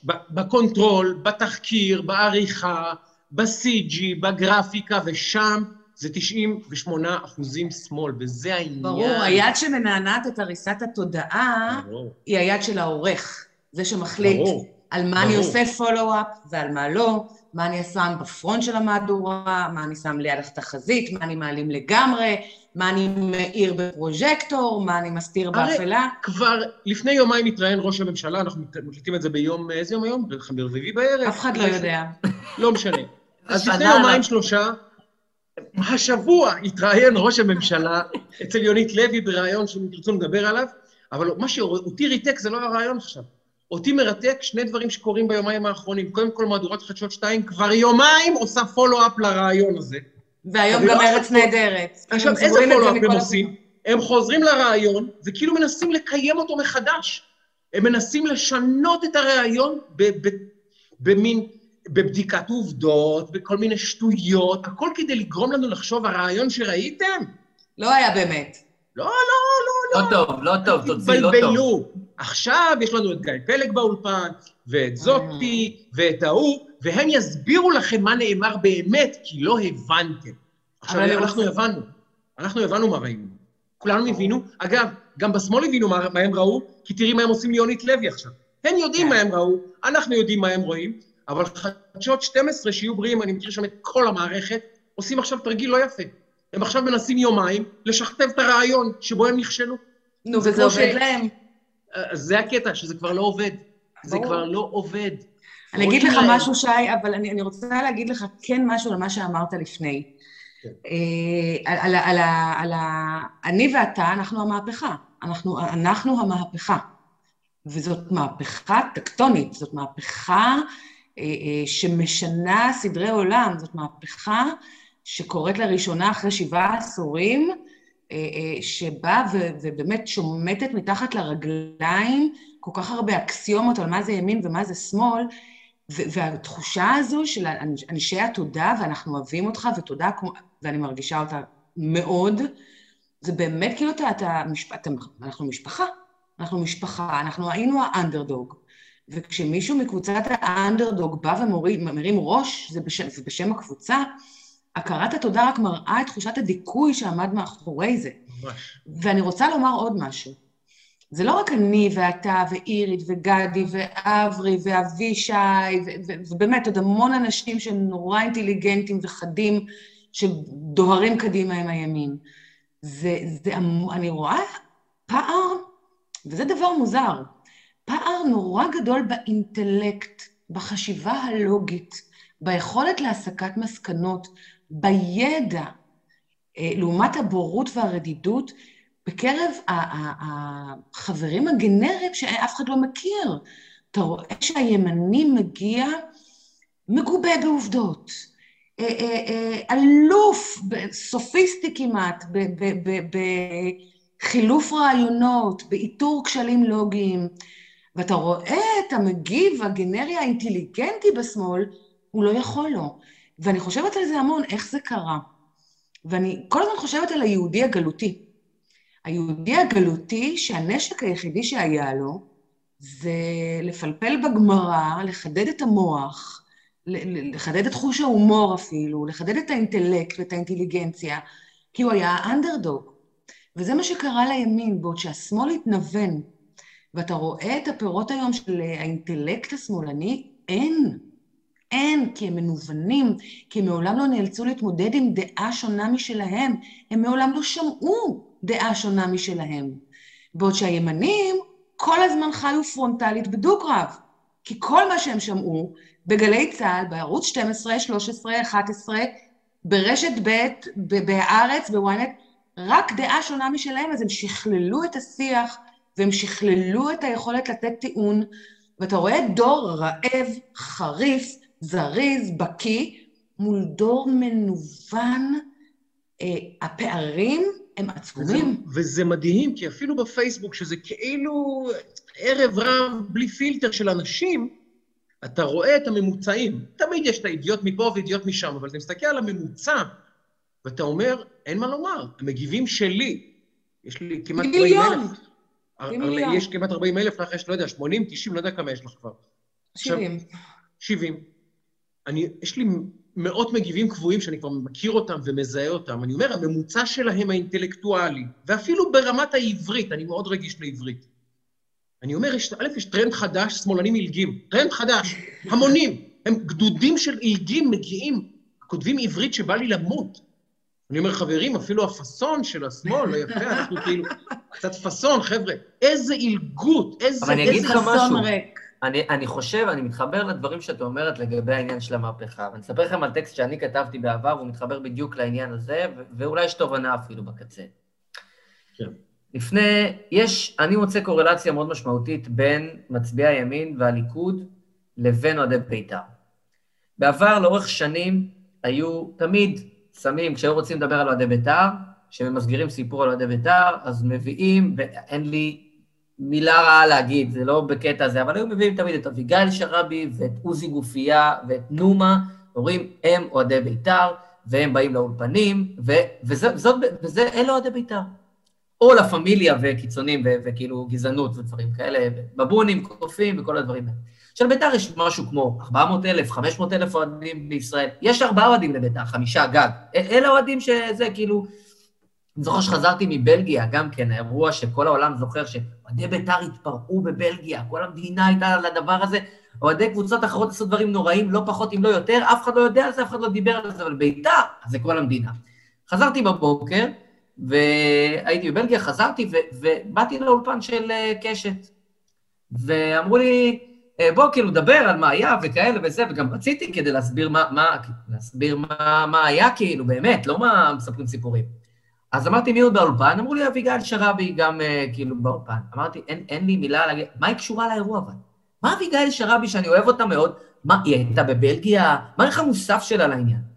To make the long story short, עשיתי סרטון של דקה וחצי, שתיים, שעושה את המראה איך כאילו הבניית המציאות כלפי אוהדי בית"ר, ממש עם פקטס, עם עובדות, אחת אחרי השנייה, איך ממסגרים אוהדי בית"ר, ואיך ממסגרים, נגיד, אוהדי הפועל, בסדר?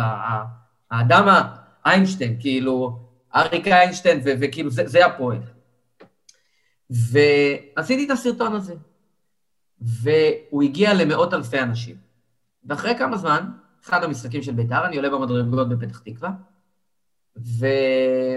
והקונספט של הסרטון היה, מה, אתה אוהד בית"ר? איך, כאילו, זה היה, אתה, איך יכול להיות שאני בן אדם, כאילו, בן אדם שנראה נורמטיבי, אשכנזי, הלבן, זה, איך יכול להיות שהוא אוהד בית"ר, אבל איך יכול להיות? יש לו משקפיים. כן, יש לו משקפיים. איך הוא יכול להיות בית"ר עם משקפיים? זה לא מסתדר. ואני עולה במדרגות, ואנשים כאילו, מה, אתה אוהד בית"ר? כאילו, נהיה על זה גג, כי הרגישו שדיברתי אותם. ממש הרגישו סוף סוף שמישהו מדבר אותם. וניגש אליי, אני עולה ומישהו קורא לי, אדם בן, לדעתי, 70. הוא אומר לי, תקשיב, אני אין לי פייסבוק, אין לי זה, הנכד שלי, הבן שלי, לא יודע מה הראה לי את הדבר הזה. פעם ראשונה בחיים שלי, פעם ראשונה בחיים שלי כבית"רי, אני אומר לי, אומר לי, אני למעלה מ-50 שנה בית"רי, לא רק אוהד בית"ר, בית"רי, פעם ראשונה שמישהו דיבר אותי. פעם ראשונה, תחשבי בן אדם כזה, שאומר את זה, כאילו, אני, היה לי את הכבוד, אבל... אז כשאת מדברת על זה, אני חושב שיש פה גם את הקורלציה בין אוהדי בית"ר לבין, לבין מה שאת מדברת על המהפכה. והאינטלקטואל הימני בנקודת זמן הנוכחית, והרשתות החברתיות ששינו את כל מה שהיה בעצם, ואת כל הקיים והרגיל והחיים יבין, והמציאות משתנה. והמהפכה הזאת זה לא דבר שקורה בדקה או בשתי דקות, אבל, אבל כשאתם, אני לפחות, כשאני רואה את האנשים האלה, אתכם, אנשים אחרים, ואינטלקטואלים הימין שמדברים יותר ויותר, וגם הביטחון שיש להם, אחד, אני חושב שאתם גם מקנים להם את הביטחון הזה במידה מסוימת, שיש גם יותר לצאת החוצה, כי בעבר היינו מסתכלים על הטלוויזיה, היית אומר, טוב, זה מה שצריך להיות, אני אסתום את הפה, אני לא, אבל, אבל כאילו פתאום הרשתות החברתיות ייצרו את המרחב הזה, ולכן, וזה גם לוקח אותי לשאלה, לכן זה, המרחב שאת נמצאת בו ועובדת בו, גם גלי ישראל שהיית, אבל אני מדבר רגע על הרשתות, אני חושב שיש לזה תפקיד היסטורי, לא פחות מזה, לשניכם ולעוד אנשים טובים, בנקודת הזמן הנוכחית, עכשיו, כאן. מסכים. ואני שואל מכאן, ואני מעביר את זה אלייך, בעזרת השם את תיבחרי לכנסת בקרוב. ההנחה היא שהליכוד יעבור את המספר, יגיע, נגיע לעשרה מנדטים. אני מעריך, אני מעריך, זו הערכה, שהוא יעבור את העשרה מנדטים. היא מסוכנת, אבל, אבל אנחנו לא נתחייב, אנחנו לא נהמר. מחלקים אצבעות, כן. נהמר, נהמר. ואני סקרן לדעת מה עובר לך בראש, בפנטזיות ובפרקטיקה ביום שאחרי. וואי, שאלה טובה. אה, עקבים חליפה, כמה, כמה עוזרים מאחורי, אתם ראיתם ויפ? ברור, זה אחת הסדרות המופתיות שנכתבו אי פעם עם ג'וליה לואי דרייפוס, וכזה, היא הולכת... אז זה הפנטזיה הילדותית. מעבר לזה, וואלה, זה באמת מעבר להרי החושך, אני... שי יכול להעיד לך, נדב, אני מנסה לקבוע איתו את, ה, את הפגישת זום הזו. הימים שלי נהיו מטורפים. אני מקבלת משהו כמו באמת, לדעתי, משהו כמו 300 הודעות ביום מאנשים שאני לא מכירה. למסנג'ר אני בכלל לא נכנסת, הטלפון לא מפסיק לטרטר, ידי בכל ויד כל בי. אה, אני, אני בקמפיין. ושם זה... אה, איזה טירוף זה קמפיין של הליכוד. אין, אי אפשר להבין את זה. זה... זה קריאייטיב על מלא, זה צוות סופר מגניב. איזה אנשים מהממים. וואי, וואי, צוות סופר מגניב, קורע מצחוק. לא צריך, צריך לצלם את הקמפיין, את, אנש, את אותנו יושבים וחושבים בקמפיין. אבל אסור, אסור, זה בית קרמה, אנחנו לא עושים את זה. כן, זה פשוט דבר מדהים. אז, אז אני עסוקה עד מעל הראש, וסד, עם סדר יום מאוד מאוד אה, אה, הקטיק ומאוד מאוד אה, כאוטי. ומאוד מאוד קריאטיבי. אה, אני לא טובה בפוליטיקה, אני חושבת. אני לא מבינה מה זה מתפקדים, מה זה קבוצות, מה זה תתחילי להקים לך את האנשים שלה. לא מבינה בזה כלום. אה, אני כן פרויקטורית, אני כן בחורה שלוקחת את העבודה שתמיד לקחתי מאוד ברצינות, אז על זה אני סומכת, ואני תופסת מהר, אז גם על זה אני סומכת, אבל אין לך מושג כמה ירוקה אני באה לדבר הזה. לגמרי, לפוליטיקה הפנימית והתוך-פנימית והתוך-תוך פנימית, וואו. א', זה מצוין, בעיניי זה מצוין, מעולה. זה לא רע, בעיניי זה מצוין. כי מרבית האנשים באים עם איזושהי דעה מוקדמת, איך צריך להיות, זה, והם... אני אגיד לך יותר מזה, שי, אני באה בלי רעב. אני באה בלי רעב במובן של הקילר אינסטיק, שיאללה, אני צריכה להיכנס ולהתמרפק ולמצוא... אני באה, זה יישמע, זה יישמע... או נפלא או אידיוטי as hell, אבל אני באה מתוך תחושת שליחות, בעיקר לנתניהו. כי נתניהו בעיניי, זאת אומרת, נתניהו הוא לא תכלית העומדת בפני עצמה, הוא אמצעי. הוא אמצעי לדבר שבאמת חשוב לי, וזה עם ישראל, ארץ ישראל ומדינת ישראל. אני ציונית באופן מביך, ואני אוהבת את המקום הזה באופן נטול אפולוגטיקה. אני פשוט באמת מבעבעת מרוב אהבה לאנשים ולמקום. ונתניהו מבחינתי הוא, הוא איש הביצוע הכי טוב למטרה העליונה שלי, וזה שיהיה לנו טוב כאן. והוא מנהיג היסטורי בעיניי, והזכות לעבוד לצידו, לעזור, להירתם, אה, להיות חלק מצוות שמוביל את המדינה הזו תחת הנהגתו, היא מטורפת בעיניי. זאת הזכות, זאת הזכות, אין אחרת. מקומי בליכוד, ומה יהיה אחרי זה, וכולם מדברים איתי, יאללה, פריימריז, תתחילי לזה. לא מעניין אותי, באמת לא מעניין אותי. מעניין אותי אה, אה, לדעת, כשאני אהיה על ערש דאווי, שוואלה, אני אוכל לומר לנכדים שלי, תקשיבו, הייתי חלק מהדבר הזה, מהדבר הענק הזה. זה, זה, זה העניין עבורי. יש לך, אבל, יש לך אבל את ה... קודם כל זה מרגש לשמוע את זה, ואני גם, א', לא רק שאני מאמין לך, גם הייתה לי את הזכות לעבוד גם בצוות של ראש הממשלה, וגם בתוך, להיות בתוך קמפיין עם אנשים שאת נמצאת לידם. זה, יש מושג בית"רי שנקרא זר לא יבין זאת. זה אי אפשר להסביר את זה, זאת דינמיקה. אה, זה בית"רי? אה, זה בית"רי? זה בית"רי לגמרי. אה, וואלה? זה בית"רי, זה למות או לכבוש את ההר, זה בית"רי. זה, אוקיי. לא, הכוונה שלי ש, שבאמת זה משהו שאי אפשר להסביר אותו במובן של, זה לא, אני נמצא בהרבה קמפיינים, הייתי בהרבה קמפיינים, קמפיין בליכוד, גם מבחינת הצוות והפרסונל, אבל גם מבחינת הדינמיקה הקמפיינית, שאתה בסוף, צריך להבין את זה, אתה מביא מיליון ומאתיים או שלוש מאות אלף איש לקלפי. זה חתיכת אירוע מטורף בקנה מידה, בטח ישראלי, הכי גדול שיש. זה הקמפיין הכי גדול שיש, עם הקמפיינר הכי עוצמתי שהיה פה ב...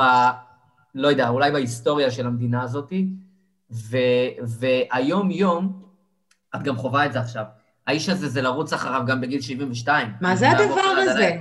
מה זה, זה הדבר זה, הזה? זה, אי אפשר להבין את זה, את יודעת, כאילו זה... זה מעל הטבע, מעל הטבע. זה, זה, משהו, זה משהו יוצא מן הכלל, והיכולת שלו להיות גם במקרו וגם במיקרו, באותה איכות, היא דרמטית, לא, אין, אין, אין, אין, זה ליגה אחרת באמת במובן הזה, ו, ו, וזו דינמיקה מדהימה, אבל זה לא החיים עצמם. ואני סקרן באמת לשמוע מה, בכל זאת, מה החלומות שלך? יאללה, רק תתפרעי איתי, כאילו, מה, החל...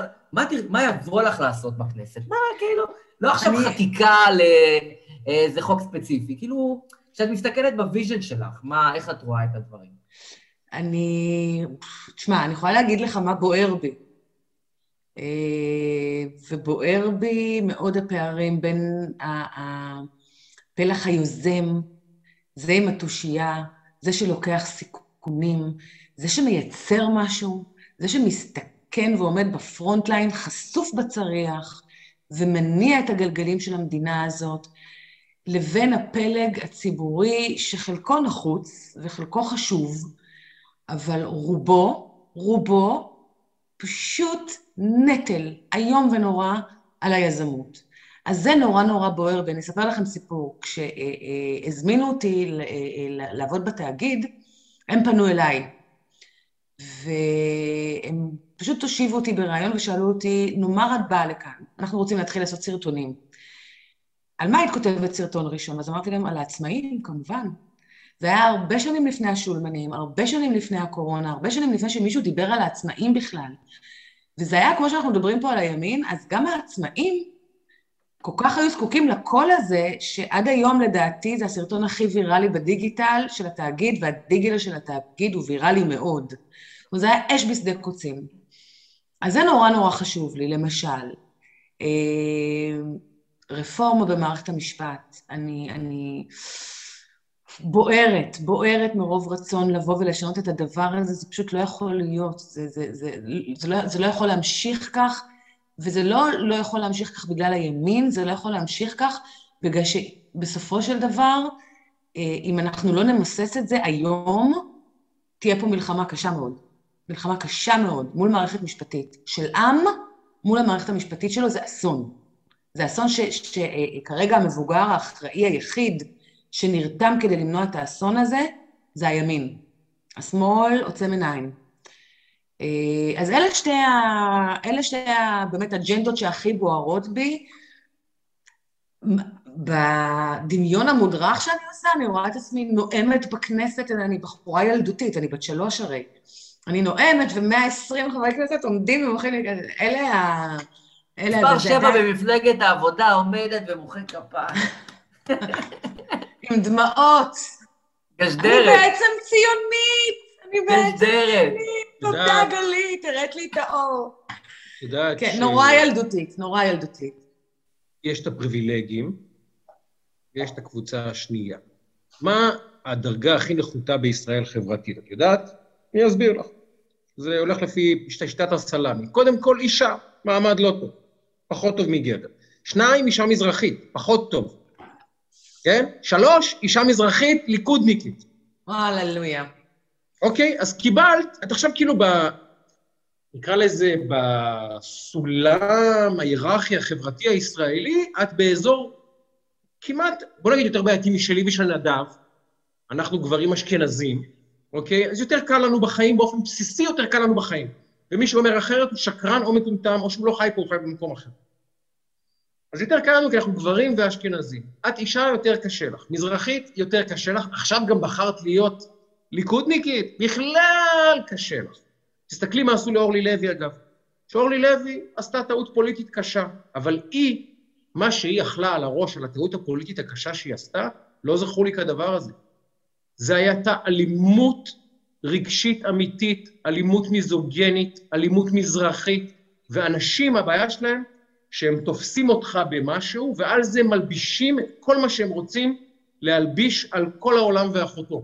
הם הלבישו את אורלי לוי את השנאת נשים, הלבישו על אורלי לוי את השנאת מזרחים, הלבישו על אורלי לוי אפילו בדיחות על אבא שלה, הכל הלבישו, כי אתה לא יכול לשאת אישה מזרחית ששינתה את דעתה. שינתה את דעתה, אורלי לוי. ההגמוניה שלא מודעת לגזענותה. בדיוק. אה, עכשיו, באמת, אתה רואה, האם- אתה רואה עכשיו, את האינסטינקט? אני אומר לך משהו, גלית, את עומדת להיכנס לרמת חשיפה, ווליום ואינטנסיביות, שהפייסבוק הוא באמת, הוא הטריילר של הטריילר של הטיזר של הטריילר. של הפרומו. זה הליגה של הגדולים, אבל גם ברמת הרוע. את נערכת נפשית לעובדה שכל מילה שתצייצי, כל... איך שתיכנסי למשכן, אם זה יהיה ברגל ימין או ברגל שמאל, ואם זה יהיה בשיער אסוף או פזור, מישהו יגיד על זה משהו מרושע. הולדי. לזה רגשית? תן לי רגע לשכנע אותך אחרת קצת. אוקיי, יאללה. כבר המון זמן.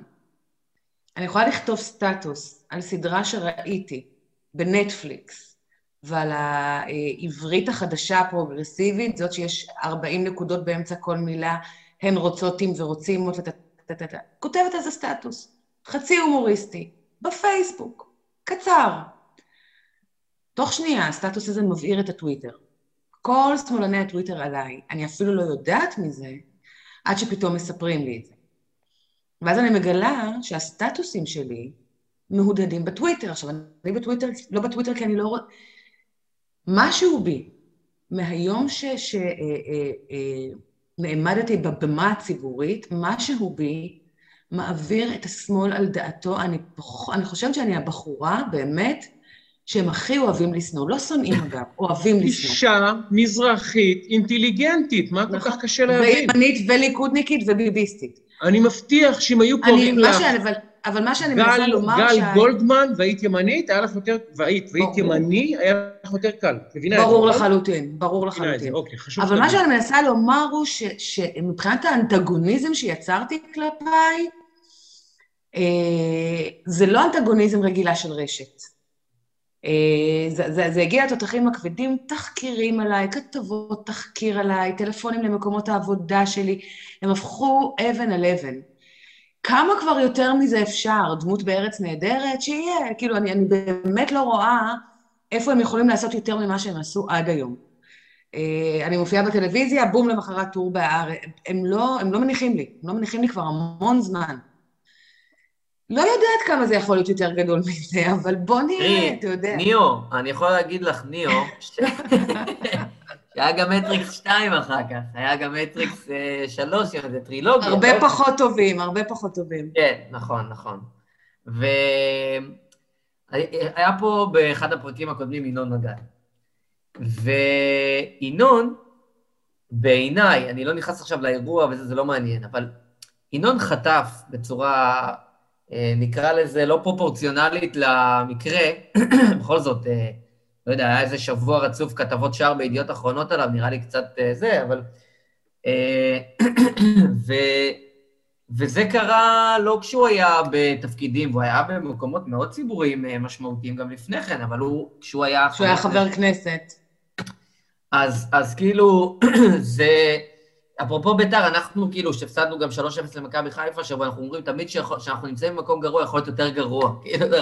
זה, זה יסלים, לא כי אני חלילה רוצה שזה באמת מה שיקרה, כי באמת יש משהו, זאת אומרת, בעיניי, כשהתחלתי ואמרתי שהדמות ייחודית, אז, אז הדמות ייחודית, ו, וזה עניין גם קרמטי.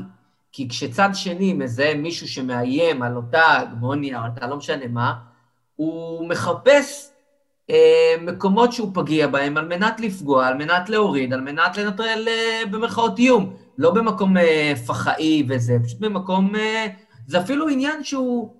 לא בטוח שחלק מהאנשים שעושים את זה חושבים על זה עד הסוף, שזה מה שהם עושים. זה הרי...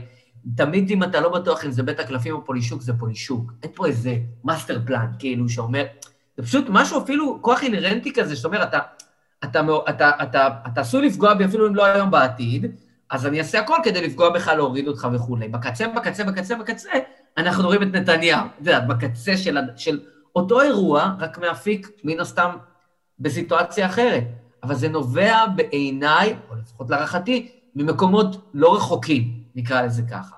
ומזהים שאת, בטח עכשיו, כשאת בעזרת השם תיכנסי לכנסת ברגל ימין, מה שנקרא, אנחנו uh, מכינים אותך לטוב ביותר.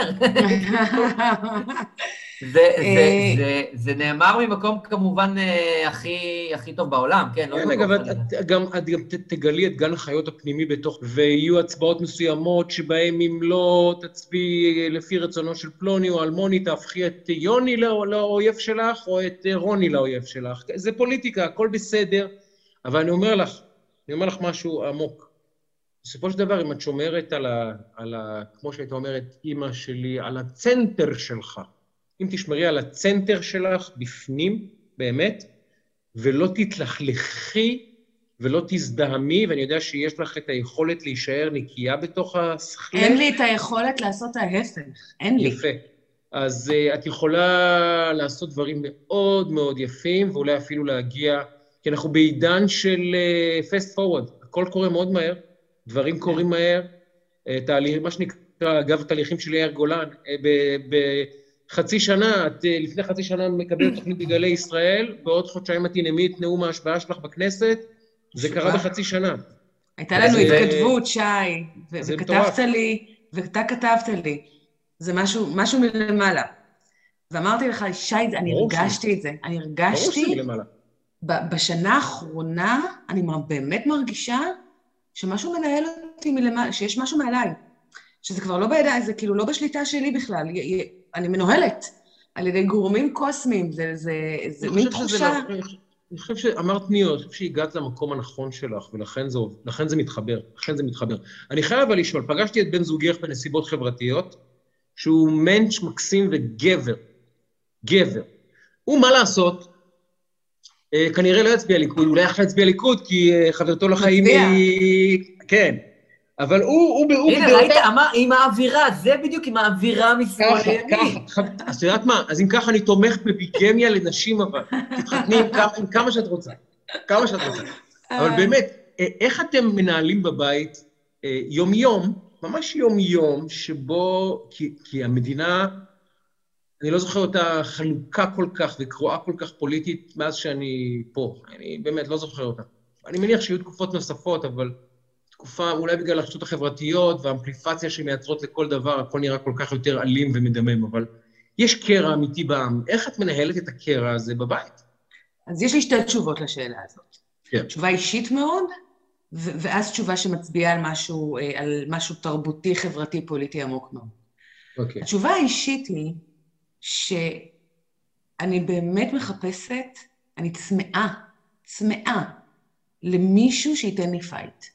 אבל פייט אמיתי, פייט שאני אוכל לכבד, פייט אינטליגנטי, פייט שאני, שאני אחשוב על מה שנאמר לי, ומדי פעם אני אגיד, וואלה, טעיתי.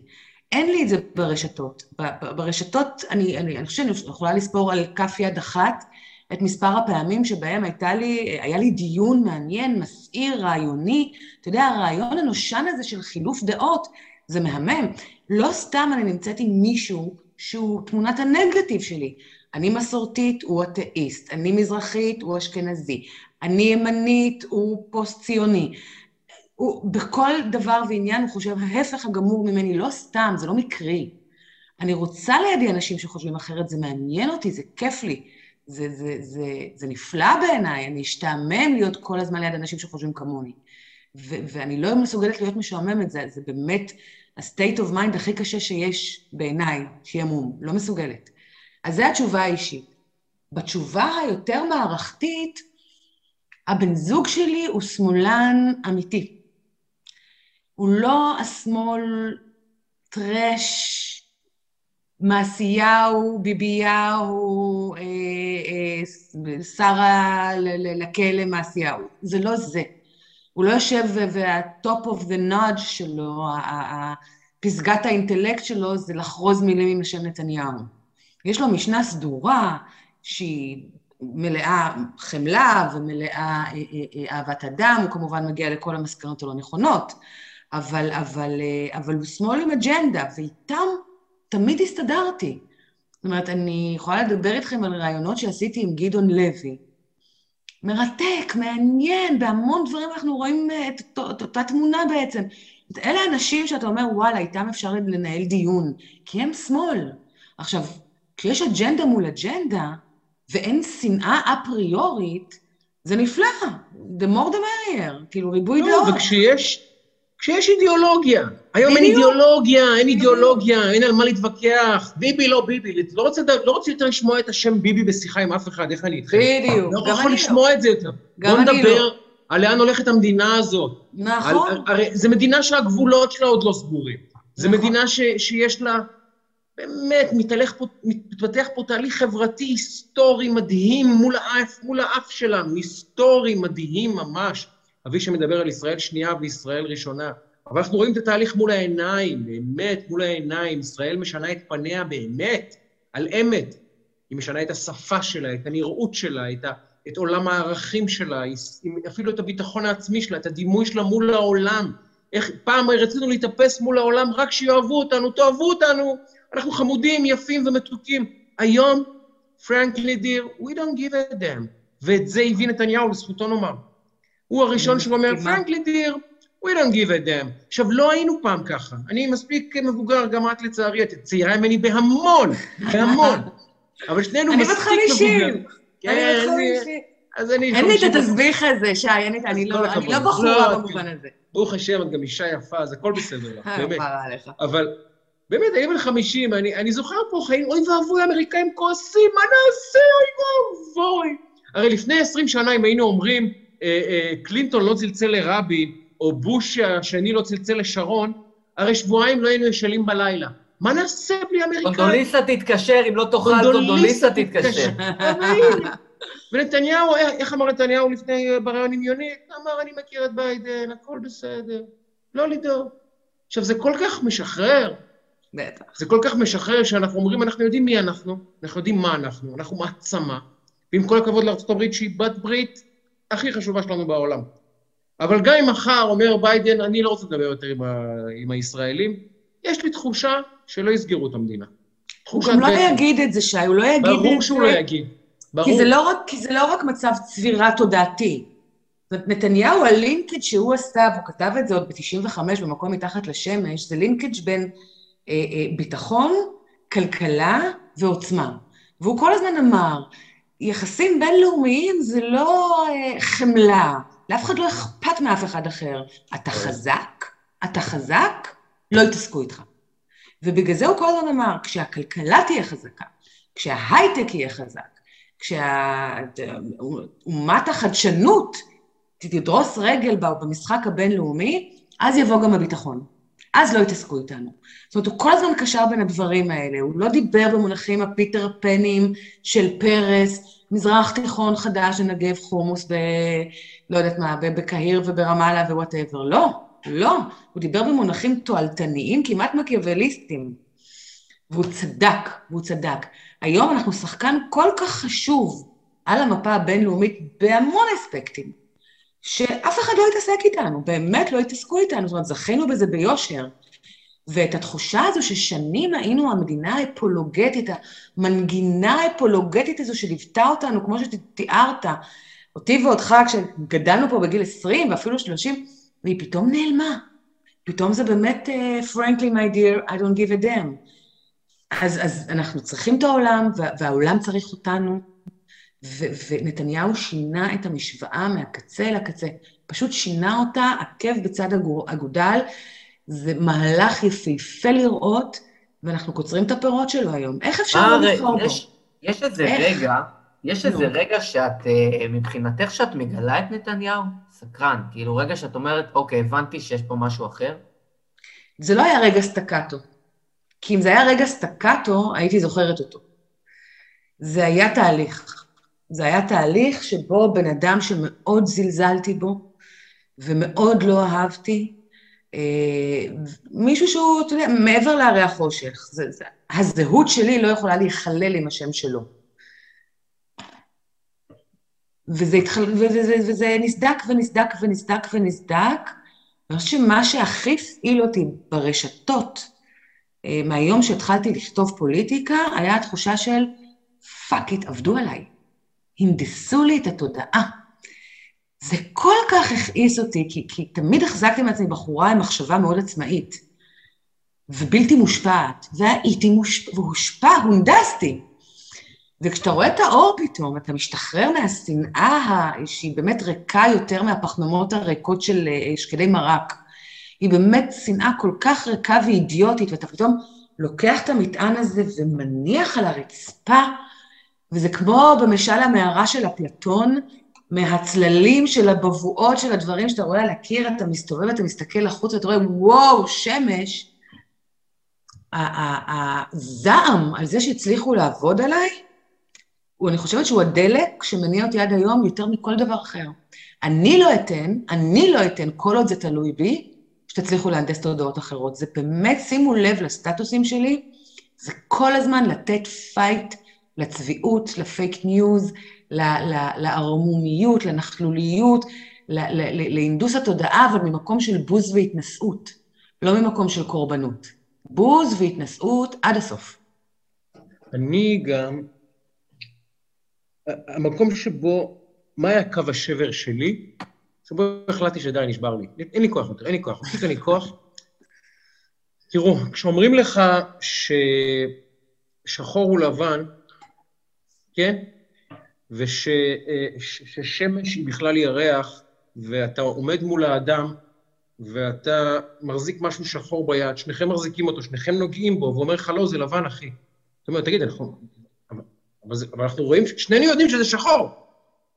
והוא אומר לך, לא, זה, שח, זה לבן כי קוראים לזה נתניהו. ואז אתה מבין את הטירוף.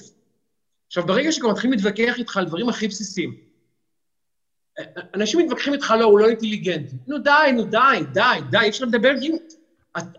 תשנא אותו. אבל אל תגיד שהוא לא אינטליגנטי. תגיד שהוא מושחת, שאתה... אבל אל תגיד שהוא לא אינטליגנטי, אוקיי? עכשיו, באותה מידה, ככה גם, אנחנו, את התהליך הזה עברנו פה ביחד עם, ה, עם העוקבים והצופים שלנו והצופות שלנו. כשבאו הסכמי השלום, בא לך למות. בא לך למות.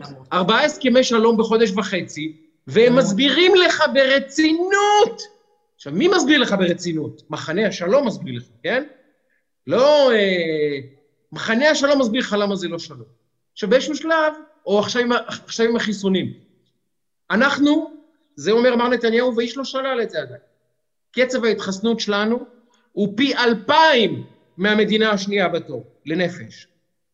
פי אלפיים. זה לא, זה לא לנצח 6-0, נדב, זה לנצח 30-0. כן? והם מסביר, מסבירים לך למה זה כישלון, אז אתה אומר, די, זה לא רציני, אין לי מי לדבר כבר, אין עם מי לדבר. זה השלב שבו... אתה יודע, מה, אתה, אתה יודע מה אתה אומר עכשיו, שי? נו. הנאום שנאמת עכשיו זה הננה ננה ננה של נתניהו אצל יונית כן, לוי. ממש. זאת אומרת, אנשים אומרים ננה, כאילו אה, אה, זה גג, זה לא גג, הוא תמצת בחדות רבה את, ה, את הטיעונים שלהם. אני מביא פיל, פיל, מעמיד את הפיל במרכז החדר, ואתם מסתכלים על החדשקון שגדל על הציפורן בזרת הימנית של הרגל של הפיל. זה נה נה נה נה נה. זה כאילו לקחת את הטפל והקטן ביותר ולהפוך אותו לחזות הכל, ולהתעלם ממעוף הציפור, וכשאתה מסתכל מלמעלה, יש פיל שקוראים לו הסכמי שלום. הדבר הזה הוא באמת, זה התאפשות מכוונת, והם גם מצפים שניקח אותם ברצינות. ושים לב, זה לא היה רק עם הסכמי השלום. מה קרה פתאום, אתה יודע, שבעה עשורים, דו-קיום, דו-קיום, דו-קיום, גזענות נגד הערבי המוחלש.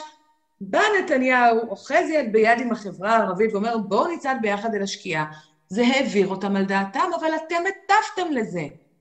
כמה פעמים ציטטתם בשוגג נוערים לקר... לק... לקלפיות? הוא לא אמר נוערים, הוא אמר נעים. אני כל הזמן אומר את זה, הוא לא אמר מעולם. הוא לא אמר מעולם, ושימו לב, שימו לב ליופי הסמנטי פה. זאת הנדסת תודעה, זאת הנדסת תודעה. למה? ולמה נדב? בגלל שנוער עדר נוער. נכון. אדם נע. וזה בדיוק היה הרצון שלהם, לגרום להם לחשוב שנתניהו שיווה את הערבים לבהמות, ולא לבני אדם. בגלל זה מילה אחת שינתה את כל הקונספציה, ולא סתם הם החליפו אותה. לא סתם הם החליפו אותה. ממש לא סתם, וגם כשאתה שואל אנשים, כולם, הרי כולם משייכים את זה, אני גם בהרצאות מדבר על זה. מי אמר נוערים, לא משנה מה עכשיו אני ממשיך, אה, ביבי על הערבים. לא אמר מעולם, לא אמר. לא אמר, לא אמר. אבל, אה, אבל אתה גם רואה במהות, כאילו, במשך אה, אה, שישה עשורים הייתה תחנת משטרה אחת בחברה הערבית. בעשור של נתניהו נפתחו עוד תשע. 15 מיליון, מיליארד, מיליארד, כן, דולרים, אה, אה, הוקצאו, אה, שקלים הוקצאו לחברה הזאת, עשרה כבר הומשו, חמישה בדרך. אף אחד לא נתן להם תקצוב כזה. זאת אומרת, ה- ה- ה- וזה היה הכשל של נתניהו, כי, כי תמיד אומרים, אה, he can talk the talk, but he cannot walk the walk. אז נתניהו walked the walk, עשה את מה שצריך, אבל he didn't talk the talk. עכשיו הוא התחיל גם להוסיף את הדיבור. גם את הדיבור בנוסף למעשים, גם את ההזמנה הזו, בואו, אנחנו חלק, שזה בעצם ז'בוטינסקי. זה לממ... אשכרה לממש את חזונו של ז'בוטינסקי, הרי מה ז'בוטינסקי אמר? אם נתרגם את ז'בוטינסקי להיום, זה שערבי יבחר במרץ, יבחר בליכוד, יבחר בש"ס, יבחר במפלגה שהוא, שההתפלגות של החברה הערבית תראה בול כמו ההתפלגות של החברה היהודית. זה נקרא חלק, זה, זה מה שיש לא. גם, מה מרגיז? נגיד כשבג... אני, ההורים שלי היו uh, מערכניקים כל החיים, יותר נכון, uh, אבא שלי היה ביביסט סמוי, לא ביביסט, היה ליכודניק סמוי, אבל פחד מאמא שלי הצביע מערך, אמא שלי נפטרה, יצא מהארון, התחיל להצביע ימין, כל הכבוד, שיהיה בריא כפרה עליו. ו... אבל למשל, כשבגין הפגיז את הכור בעיראק, אבא שלי שנא את בגין, יותר נכון, אני זוכר את סבא שלי עליו השלום שחי איתנו, כשבגין היה מופיע בטלוויזיה, הוא היה סוגר את הטלוויזיה באמצע מבט. סוגר את הטלוויזיה, לא רוצה לשמוע, ככה זה, זה היה state of mind. אבל כשבגין הפציץ את הכור בעיראק, בבית שלי אמרו, כל הכבוד. כי קרה דבר גדול לטובת מדינת ישראל, ואם בגין הביא אותו, זה היה אגב בתקופת בחירות, מי שזוכר. זה היה בתקופת בחירות. זה היה חודש וחצי לפני, לפני הבחירות. לא אמרו שוחד? שוחד לקראת בחירות? שום דבר. והורים שלי... זה היה הפצצה פוליטית. והורים שלי לא אמרו הפצצה פוליטית, כולם הבינו שראש הממשלה, כשהוא שולח 25 מטוסי F-15 ו-16 ומטוסי תדלוק ומבצע לוגיסטי מהמטורפים שעשו פה אי פעם במדינת ישראל, כנראה שהוא לא עושה את זה בשביל הבחירות. ומי שחושב שנתניהו הרים את המבצע הלוגיסטי של החיסונים, ועבד כמו חולה נפש מהבוקר עד הלילה כדי לדאוג שיהיו פה עשרות מיליוני אה, אה, קפסולות, כדי לקבל אה, את הבחירות, אז אתם יודעים מה? בסדר. אבל הוא חיסן את ישראל. הוא חיסן את ישראל. אנחנו המדינה הכי קרובה לצאת מזה, מהחרא הזה של הקורונה. אנחנו המדינה שקצב ההתחסנות שלו הוא הגבוה לנפש פי אלפיים מהמקום השני. זה, זה, זה מספרים, כן? אז, אז זה בסדר? לא. זה בחירות? אז לא. אבל אתה יודע משהו, שי? לא טוב. ביבי אשם. ב... אני תולה את כל האשמה בביבי ואני אסביר לך גם למה. כי הוא אשכרה, אשכרה, גרם לאזרחי ישראל לחשוב שהם באמת, הם לא וילה בג'ונגל, הם וילה באיזה פיורד אה, אה, אה, מוקף הרים מושלגים וברבורים צחים שתים באגם. אנשים שוכחים תודעתית איפה הם חיים, כי כל כך בטוח וכל כך טוב כאן, טפו טפו טפו חמסה חמסה חמסה, שהם אשכרה חושבים שהם יכולים לבחור את מי שינהיג את המדינה הסופר מורכבת הזאת, כמו שבוחרים קבוצת כדורגל. זה לא בא לי על הזהות שלו כי אשתו הופעה עוגת ביסקוויטים לא יפה, וזה לא אין וזה לא מגניב להצביע בו, ושושי מחשבונות לא מתה עליו, ואני לא אראה טוב בבית קפה אם אני אגיד שאני אוהב אותו, וזה לא הזהות שלי וזה לא מתאים לי לריטי מאיקאה, אז אני לא ביבי, אז אני לפיד. ת, תיקח לאנשים האלה אקדח לרקה, ותגיד להם, מי ינהל את החיים של הילדים שלכם יותר טוב? לפיד או ביבי? אם אתה משקר, האקדח יורה, כולם יגידו ביבי. אבל כל כך נעים וטוב פה, שזה כאילו לא אקוטי ביניהם. כל אחד יכול לעשות את זה. הוא גרם לזה להיראות קל. הוא גרם לזה להיראות טריוויאלי. הוא גרם לעובדה שהדמוקרטיה הקטנטנה הזו במזרח התיכון מתנהלת כמו שווייץ, להיראות כמו משהו שהוא מה בכך. ואנשים לא מבינים, לא מבינים מה יקרה אם חס וחלילה מישהו כמו לפיד ייקח את המושכות, הם לא מבינים. כמה מלחמות נתניהו חסך לנו מול עזה, תחשבו, תחשבו. היו פה שנים שבהם השמאל והימין עמדו לנתניהו ואמרו, צא כבר, קח את החיילים ולך, אתם זוכרים את הבלונים ואת בלוני התבערה וזה, ילדים בדרום באמת לא ישנים בלילה, דברים, כל אחד אחר במקומו היה נכנס לעזה, גם אם הוא ידע שזה לא יעזור, ואת אותו שקט אפשר להשיג בדרכים אחרות. ביבי משכן את ההון הפוליטי העצום שלו כדי לחסוך חיי חיילים. הוא הלך, צריך להגיד, כמה וכמה פעמים נגד הבייס. בוודאי. הוא הלך כמה וכמה פעמים נגד. דעת הקהל. בוודאי. הוא עשה כמה מהלכים שמצריכים, אה, לא נגיד את האיבר המדויק בגוף, אבל חתיכת איבר צריך חזק מאוד, וגם לב גדול ואומץ, כדי ללכת נגד, זה קורה, אנשים לא מבינים, ללכת נגד ה... הוא גם היה אומר, נדב, במקרים האלה, אני זוכרת שהוא אמר, אני, יש לי מספיק הון פוליטי כדי לקחת החלטה לא פופולרית. זאת אומרת, הוא ידע שחלק גדול מהציבור אומר לעצמו, אני סומך עליו. הוא, הוא עושה משהו שאני מתנגד לו, אבל... עוד, זה, זה מחבר אותי לעוד הבדל, אבל אנחנו נכנוס פה, כי אנחנו רוצים לשחרר את גלית, אפשר להמשיך פה עד, ה- עד הלילה הבא, כבר, כי כל כך כיף איתך, מרתק איתך, אבל יש, יש, ברח לי חוט המחשבה. כנראה, איך אמא שלי הייתה? אומרת, רגע, אני שי, זה אעזור לך. כנראה לא היה חשוב מדי. כן, מה אני רצית אעזור לך.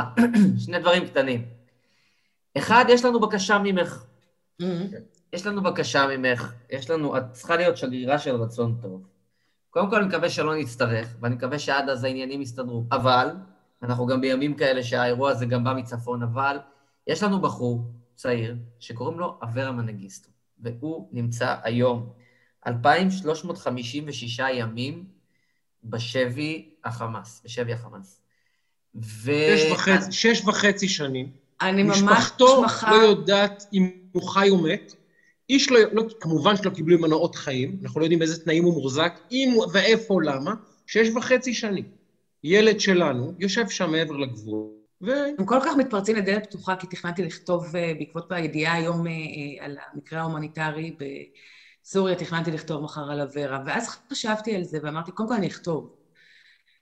וגם צילמתי סרטון על אברה לתאגיד, סרטון ש, שגם כן היה מאוד ויראלי ופופולרי, על הילד של כולנו, שהוא בעצם לא של כולנו. תשמעו, המקרה שלו הוא קורע לב, אני, אני זוכרת שכשיצרתי את הסרטון הזה, עשיתי עבודת ארכיון ובדקתי את כל הקטעים המצולמים עם אימא שלו.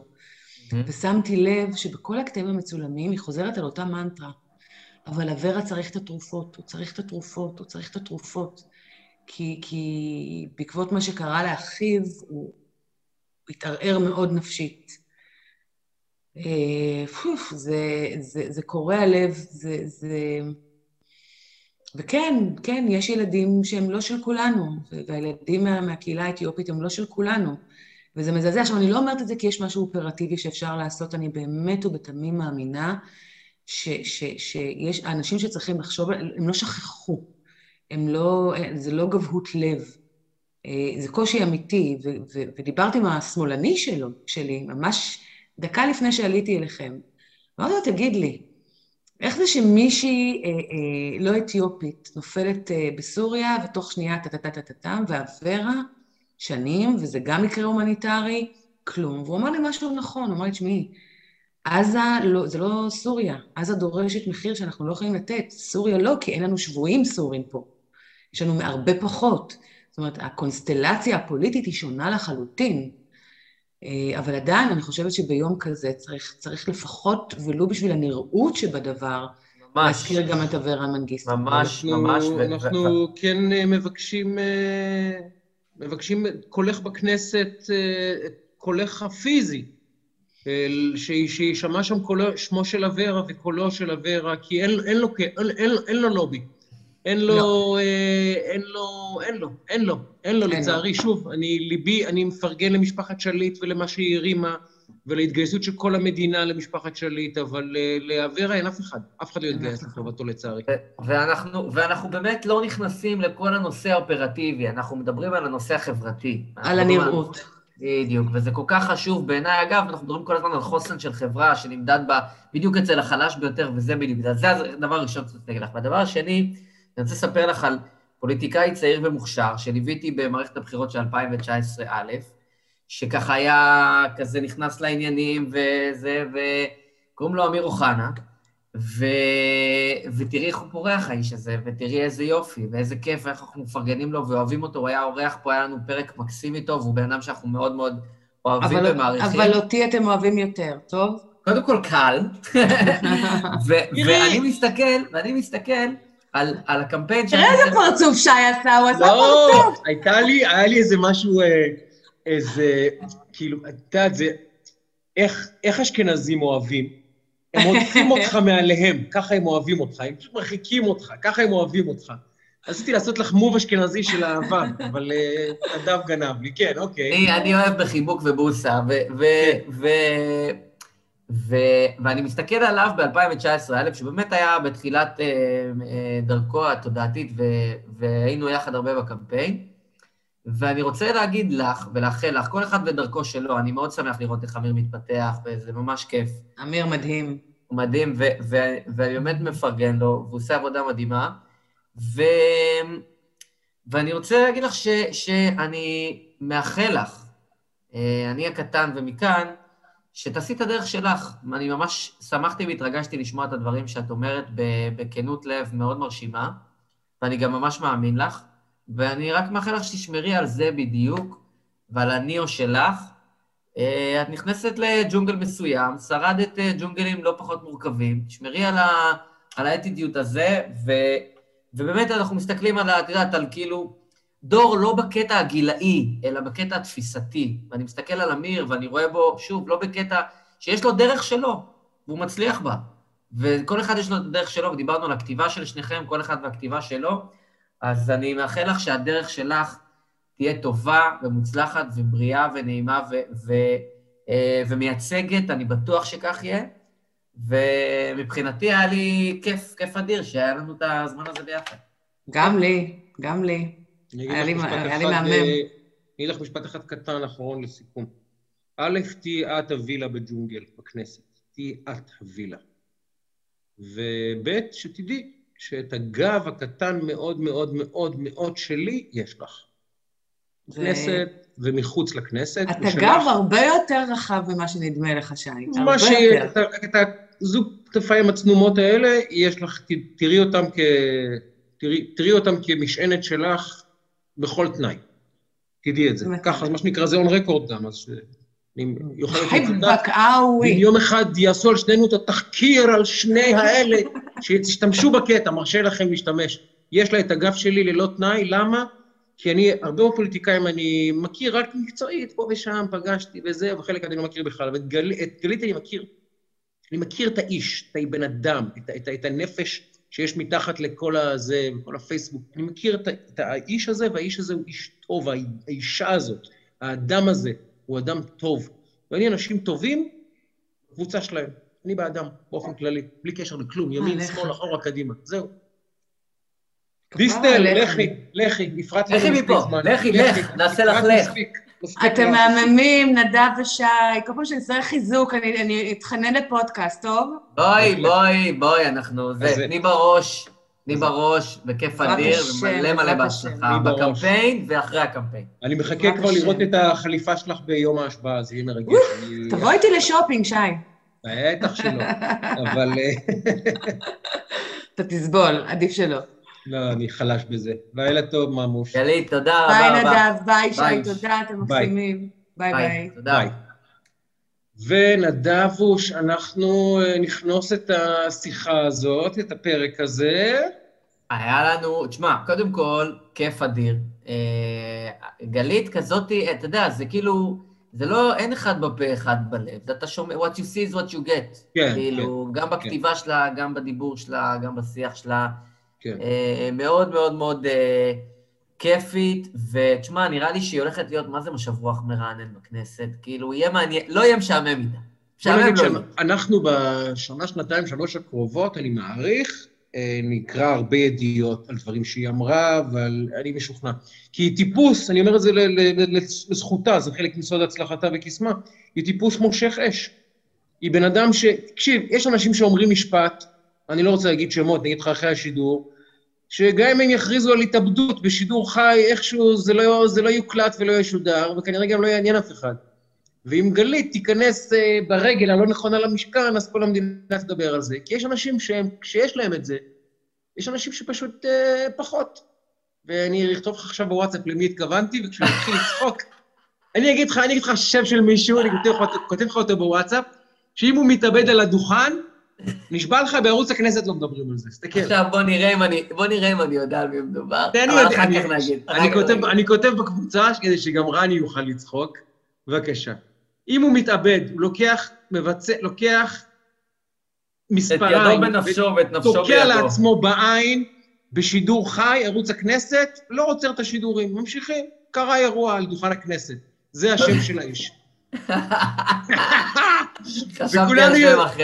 וכולנו יודעים- שזה נכון, נכון? חשבתי על שם אחר. כולנו יודעים. שזה נכון. יש לי, יש לי, אני אאתגר אותך אחר כך. נכנוס את הפוד קודם כל בברכות לרני אשל על הניצחון של קבוצתו, הקופה הירוקה מכבי חיפה, על לב הזהב הזהוב של בית"ר ירושלים, שהיה שבוע לא טוב במיוחד עבור בית"ר ירושלים, גם ברמה המשפטית נקרא לזה, או העסקית, וגם ברמה הספורטיבית. באופן כללי, נדב, צריכים להודות שהשנה הזאת היא לא שנה ש... אה, עליה לנכדים שלנו, כן? שנה שלגמרי נספר לנכדים שלנו עליה. אני חושב שזו שנה שמקצועית אנחנו במצב שלא נראה שיצא ממנו משהו טוב, אבל אסטרטגית, אני חושב שיש פה אה, יותר מתחילה, אלא אה, שינוי תודעתי דרמטי, שחלק ניכר מאוהדי בית"ר בעצם הביעו נכונות, חלק ניכר, אני חושב שאני מעריך את זה ב-96 אחוזים, הביעו נכונות להביא אה, בעלים מוסלמי לביתר ירושלים, שאנחנו מכירים את כל הרקע וההיסטוריה ולה פמיליה ועניינים וזה. עכשיו, מה קרה בסוף? זה עניין אחד. אבל הייתה פה הכשרת הלבבות והכשרת שטח למהלך שבעיניי אנחנו לא רואים אותו כרגע, אבל הוא מהלך דרמטי בהיסטורי בביתר ירושלים, וגם מבורך, יש לציין. נדב, אבל אין דרך עדינה לומר את זה. הם נראים רע מאוד על המגרש. אני אגיד לך יותר מזה, צפיתי ב... לא צפיתי בכל המשחק, כי בכל זאת כדורגל ישראלי, יש לי דברים יותר יקרים עם הזמן לעשות בלי לפגוע, אבל היה נראה לי שמכבי חיפה גם לא התאמצו נורא, הם לא שיחקו משחק לא, נורא אבל- טוב אבל- מכבי חיפה. אבל- לא, זה לא לא שאתה היה אומר. מכבי חיפה שטפו את המגרש. פשוט נתנו ה- בראש, והלכו הביתה.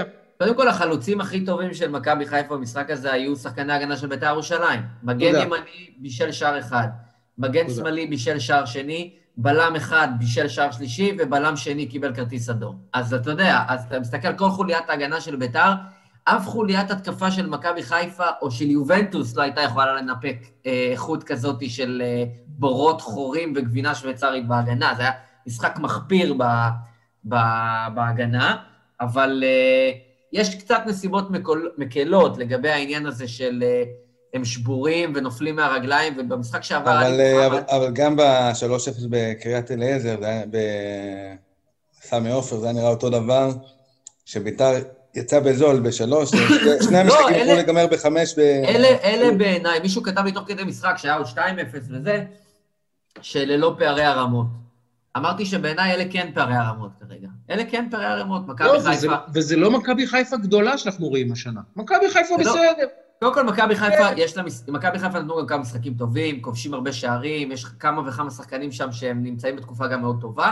לצד זה, בביתר, גם מכת פציעות, גם מומנטום לא טוב, אנחנו במינוס ארבעה משחקים מאחורי הליגה, כי הקבוצה הייתה בקורונה, כל הקבוצה הייתה בקורונה בחודש האחרון. זאת אומרת, משבוע שעבר נכנס עלי מוחמד דקה 55, יצא דקה 80, וזה שחקן אולי הכי, פי- מהפיזיים ביותר בליגה.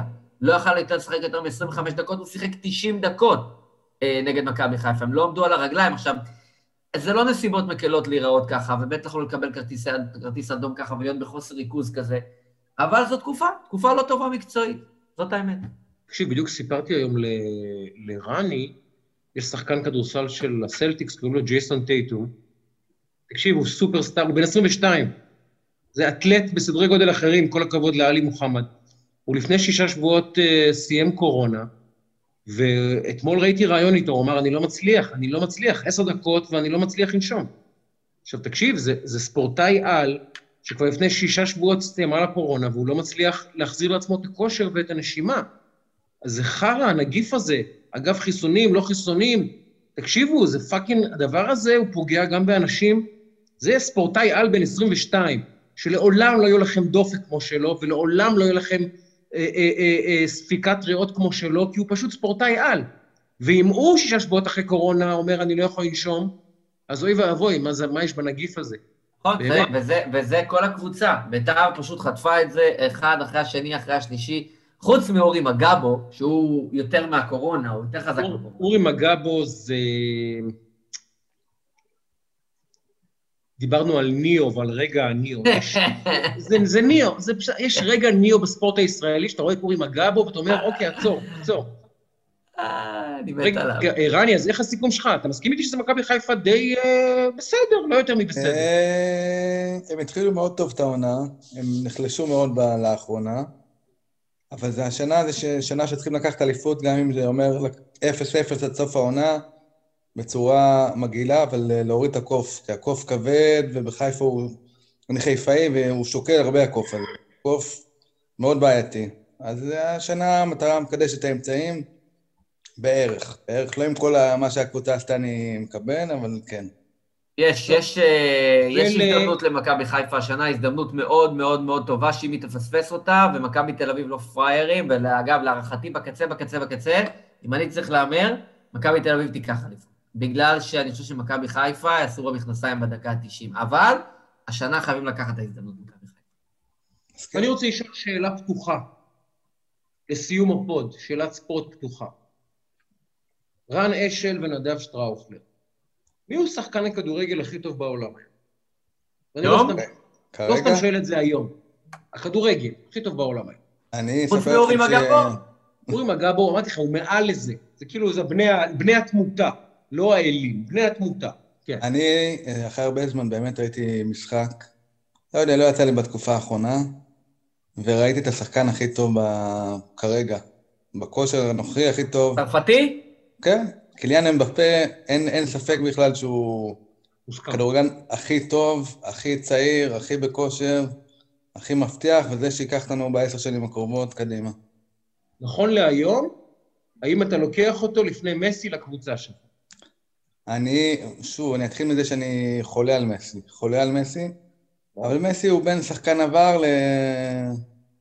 למשהו דומה למשהו, אתה יודע, מין משהו שיכול להבליח מדי פעם. בטח לא במצב הנוכחי שהוא אמור לסחוב את הקבוצה, כי הוא כבר לא פיט בשביל זה. אה, אז בהחלט, מסי כבר... זה לא זה, אי אפשר, אי אפשר להגיד שזה זה. אתה לוקח את רונלדו לפני מסי? לא, אבל זה כבר אה, מהלב, זה סיפור אחר. כי אני לוקח שואל... היום, היום בכדורגל, אני לוקח גם את רונלדו לפני מסי. הוא השלישי שלי. לוקח, אני לוקח את רונלדו לפני בפה. לא, לא, פה הגזמת. אגיד לך למה. נו. כי אמבפה ייתן לך את השלושה עכשיו, רונלדו ייתן לך את השער בגמר. וזה ההבדל ביניהם. כי אמבפה נכון, היום, אבל... אמבפה היום ייתן את השלושה במשחק הזה, שהם נופלים מהרגליים, ו... ו... ו... ו... ו... כשאתה ברמות הכי הכי גבוהות, אתה צריך את הווינר שייקח אותך לקצה, ורונלדו זה הווינר. עכשיו, אני לא יודע מה יהיה, יובנטוס משחקים, ויש להם זה, ויש... אה, הם ספגו גול דקה ראשונה, אחד הגולים ההזויים, תראו אחרי זה. כן, כן, וזה טעות של ההגנה, אבל, אבל, אבל עדיין, בסוף, בקצה, אני, אני לוקח, אה, כאילו, אם הייתי יכול, הייתי לוקח את זלאטן, אבל זלאטן אתה צריך עוד שחקנים מסביבו, כי הוא כבר זה, אבל אה, רונלדו... אני מרשה לעצמי קצת אה, להתנסה בקטע הזה. אני חושב שאמבפה, לעומת רונלדו, כששניהם בני 22, אמבפה עשה הרבה הרבה יותר. הוא, נכון. הוא שחקן על ממש, כאילו גם, כאילו, נכון. אתה יודע, כמו... כמו דור חדש של טלפון, הוא כאילו מן ה... יש לו הכל. זה, זה לו נכון, הכל. זה נכון, למרות שאי אפשר להשוות, כי אמבפה הגיע לנבחרת צרפתית שהיא חצי ממנה זה, כל אחד מהם הוא, אתה יודע, זוכה כדור הזהב פוטנציאל, נבחרת מטורפת הייתה לו שם הרי במונדיאל הזה. אבל להפך, דווקא אה, בקבוצה כזאת הוא פרח שם, הוא כאילו... פשוט היה מטורף. פשוט היה מטורף הוא- מה שהוא עשה שם. הוא כישרון גדול, גדול, גדול, הוא גם אגב, הוא אחד השחקנים המהירים בתולדות הכדורגל בכלל, זה לא רק... כן. האיש הזה רץ 100 מטר, 10-1, אתם יודעים? זה, הוא, הוא כמעט אתלט, הוא כמעט אתלט ב-100 מטר, הוא, הוא רץ 10-1, מניח שאם הוא היה מתאמן, הוא היה יכול לרדת מ-10 מ- מ- שניות.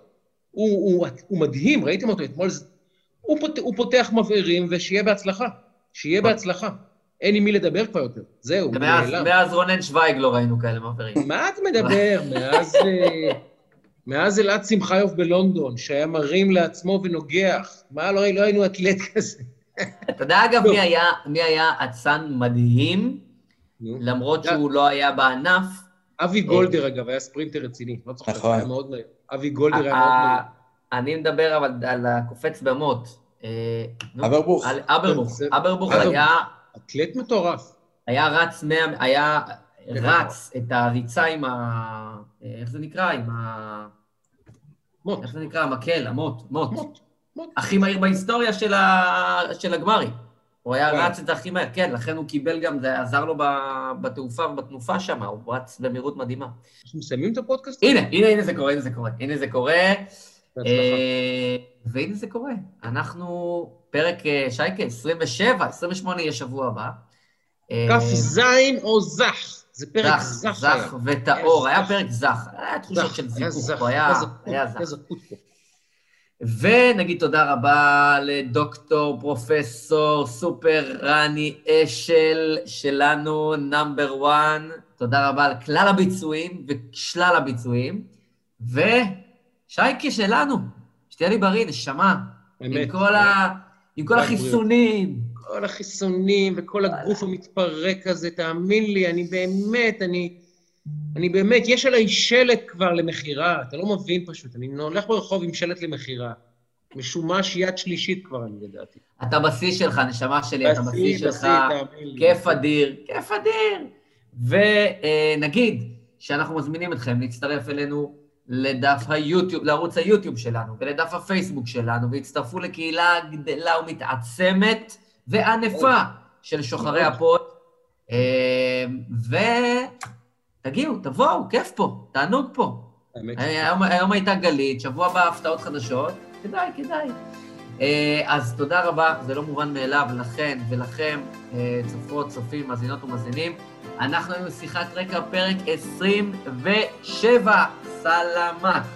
ביי.